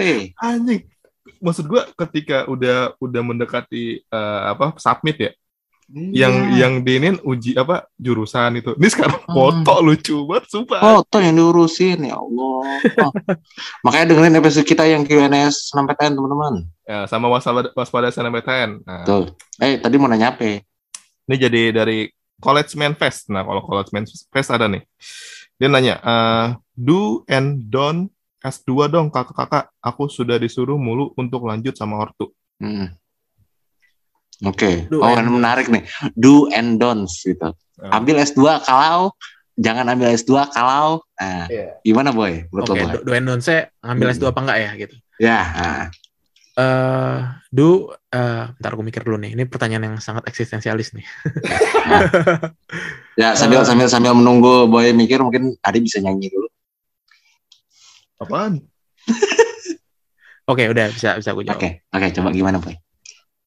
Eh, don kalau itu sekedar impulsif lu aja gitu. Kayak Hmm. eh S2 keren nih apa tanpa ada parameter penilaian tuh jangan. Karena eh, lu kan akan spend waktu 2 tahun, dua tahun yang stressful ya harusnya sih. Iya. Jadi apakah eh, lu mau stres 2 tahun tan- hanya karena impulsif lu aja enggak kan Hmm. gitu, Don. Do S2 ketika eh, lu udah punya apa ya? Ibaratnya sesuatu yang pengen lu gali aja sih. Itu paling paling dasar gitu. Yang, jadi lu merasa resah atas sesuatu, gue menemukan jawaban. Itu aja sedasar itu gitu. Tanpa harus lu mikir gue udah punya duit apa enggak. Kalau udah punya itu Hmm. berarti lu udah sebenarnya lu udah punya peluang untuk S2 sih menurut gue. Hmm. Itu aja sih, sesimpel itu. Ya minimal kalau misalnya lu punya sesuatu yang eh, pengen lo teliti, ya ini dalam arti diteliti ya, bukan bukan cuman dapat skillnya doang ya berarti ya. Heeh. Mau lu jawab lah, lu mau ketemu jawabannya. Mm-mm. Lu mau coba ngejawab permasalahan itu. Ya itu. Oke. Gue jadi gue jadi mikir gini deh coy. Nah, ini pertanyaan bisa di S1-in nggak ya? Misalnya do and don't S1 gitu. Ya, Bisa. don S1 jika kamu sudah S1. ya, ya bisa sih, bisa sih. Cuman cuman ya kayaknya nggak guna juga. Don't don't S1 kalau kamu berpikir bahwa S1 itu semester 1 semester 2 udah bikin kamu dapat kerjaan langsung, jangan. Ya don Ya. S1 kalau lu cuma mau mabok doang di kampus gitu. Oh iya benar. Don. Don. Ya, Ada? Don. Ada lagi nggak? Udah, udah, ini lagi ngomongin S2. Oh iya, udah. Ntar Nah, ini- lucu-lucuannya eh lucu-lucuannya ntar segmen berikut segmen segmen yang kita lagi siapin. Segmen Oke. yang kita lagi siapin. Eh, ada ada pertanyaan gini, boy.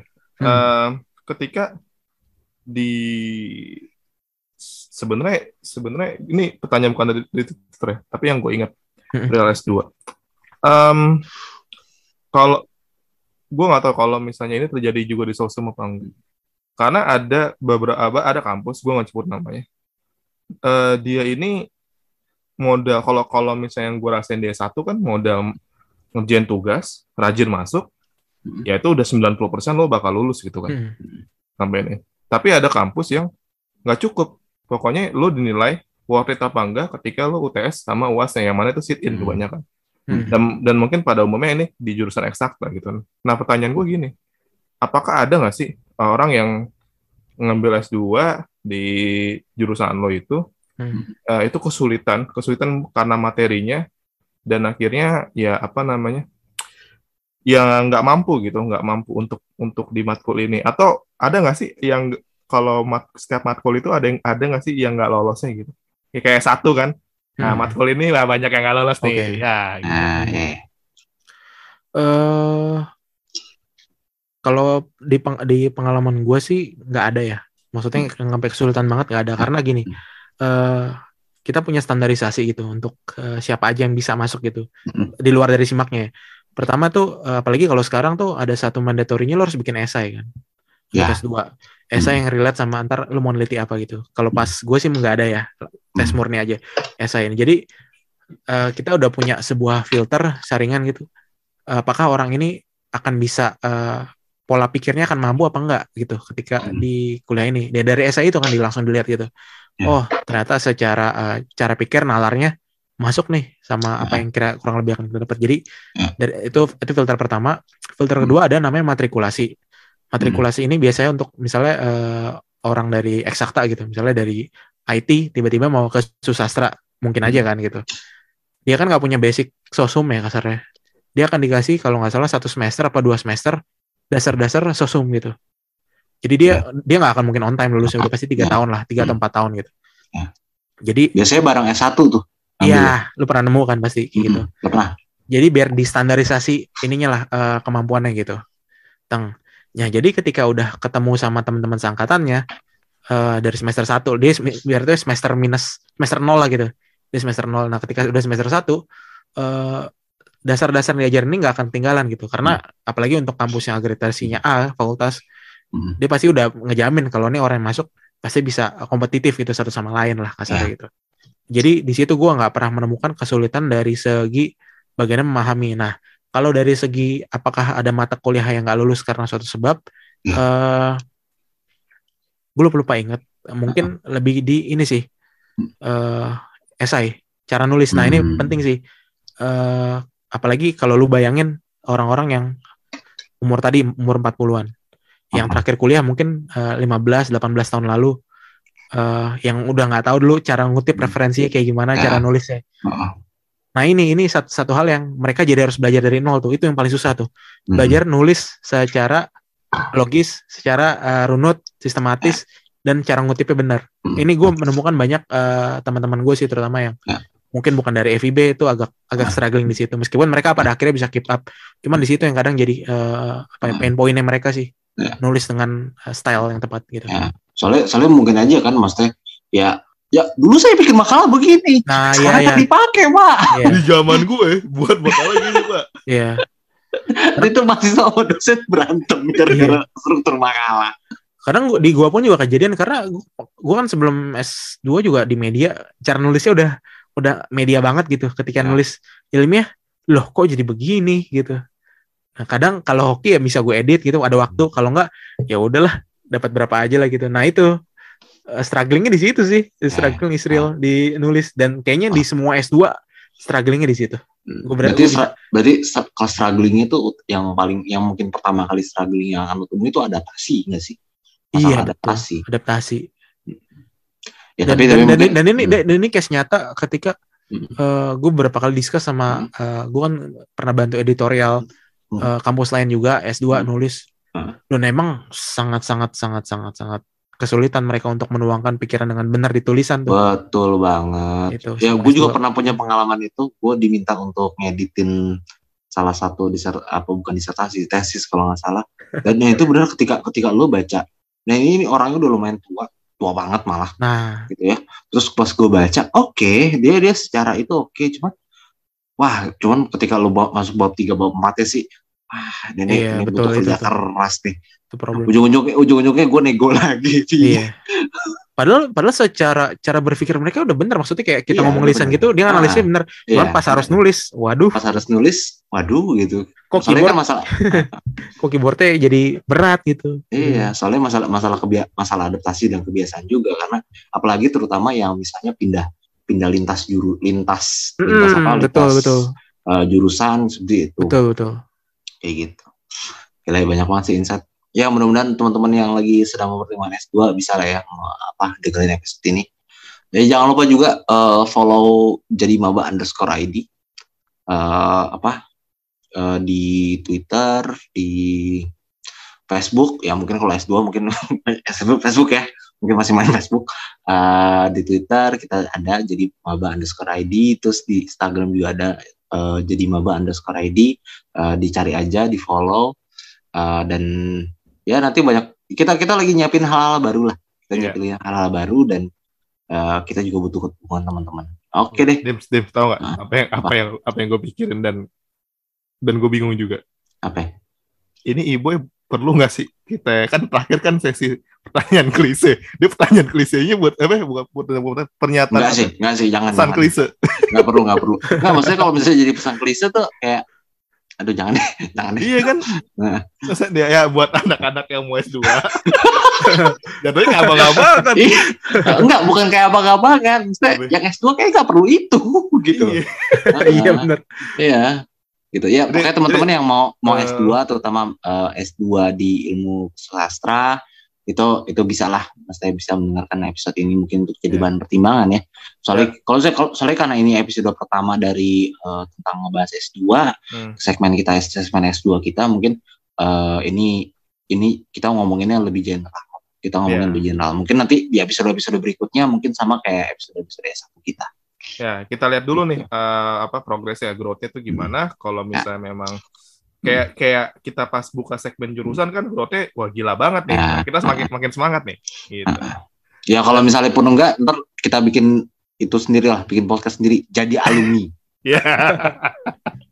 Jadi sorry buat buat ibu ya, kayak pertanyaan itu nggak bisa kami berikan ya. Ya, Oke oke, no problem. Gue mah Oke ngikut deh, aja ya. flow kalian. Ya, oke. Thank you banget nih Boy, udah ngobrol-ngobrol bareng kita. Dan Iya. gue dapet insight menarik banget. Thank you Dems, thank you Dems. Udah diajak Oke. ke sini juga udah lama nggak ngisi Iya. podcast ternyata masih seru. Seru. Seru saya. Soalnya bahasannya ya bahasan yang relate sekali gitu. Ya, Iya. sebenarnya yang relate buat kita aja ya. Soalnya, soalnya gue tadi mikir sebenarnya gini. Gue tadi mikir S2 cultural studies ngobrolin apa? gue juga digging di internet cultural studies si ngerti. Ya udah yang penting Ya, kita tapi mulai tapi ya dulu ya ngobrol sama ibu seru sih Ya, seru pasti. Gitu. Oke deh, Ya kayak gitu kita kita udah kita ber- udah berapa nih sejaman lebih kayak. Iya, kayaknya kalau misalnya buat pendengar yang pengen buat S2 atau penasaran, ya worth worth it aja sih. Iya. Ya, dengerin iya. selama ini. Eh kita lebih lebih kita tadi kayak lebih ya satu setengah jam kayaknya. Ya nggak apa-apa lah ya. Enggak nggak apa. Ah. Selamat boy, Anda mendapatkan unlock ya, unlock reward. Guest star paling lama. Oh iya, tadi mulai jam berapa sih? Setengah satu ya? Mm-mm. Kayak kayak hampir dua jam. Eh, Iya, per dua jam. Berdua aja. Ah. pokoknya, Udah, jadi pokoknya gitu lah. teman-teman buat teman-teman ya selamat ya pokoknya jaga kesehatan lah ya. Sekarang omikron lagi naik-naiknya dan buat eh, tenaga kesehatan dan semua pendukung untuk untuk apa yang pandemi ini ya semoga dijaga lah ya semua teman-teman. Oke, terima kasih. Sampai jumpa di episode berikutnya. Bye bye. Bye bye.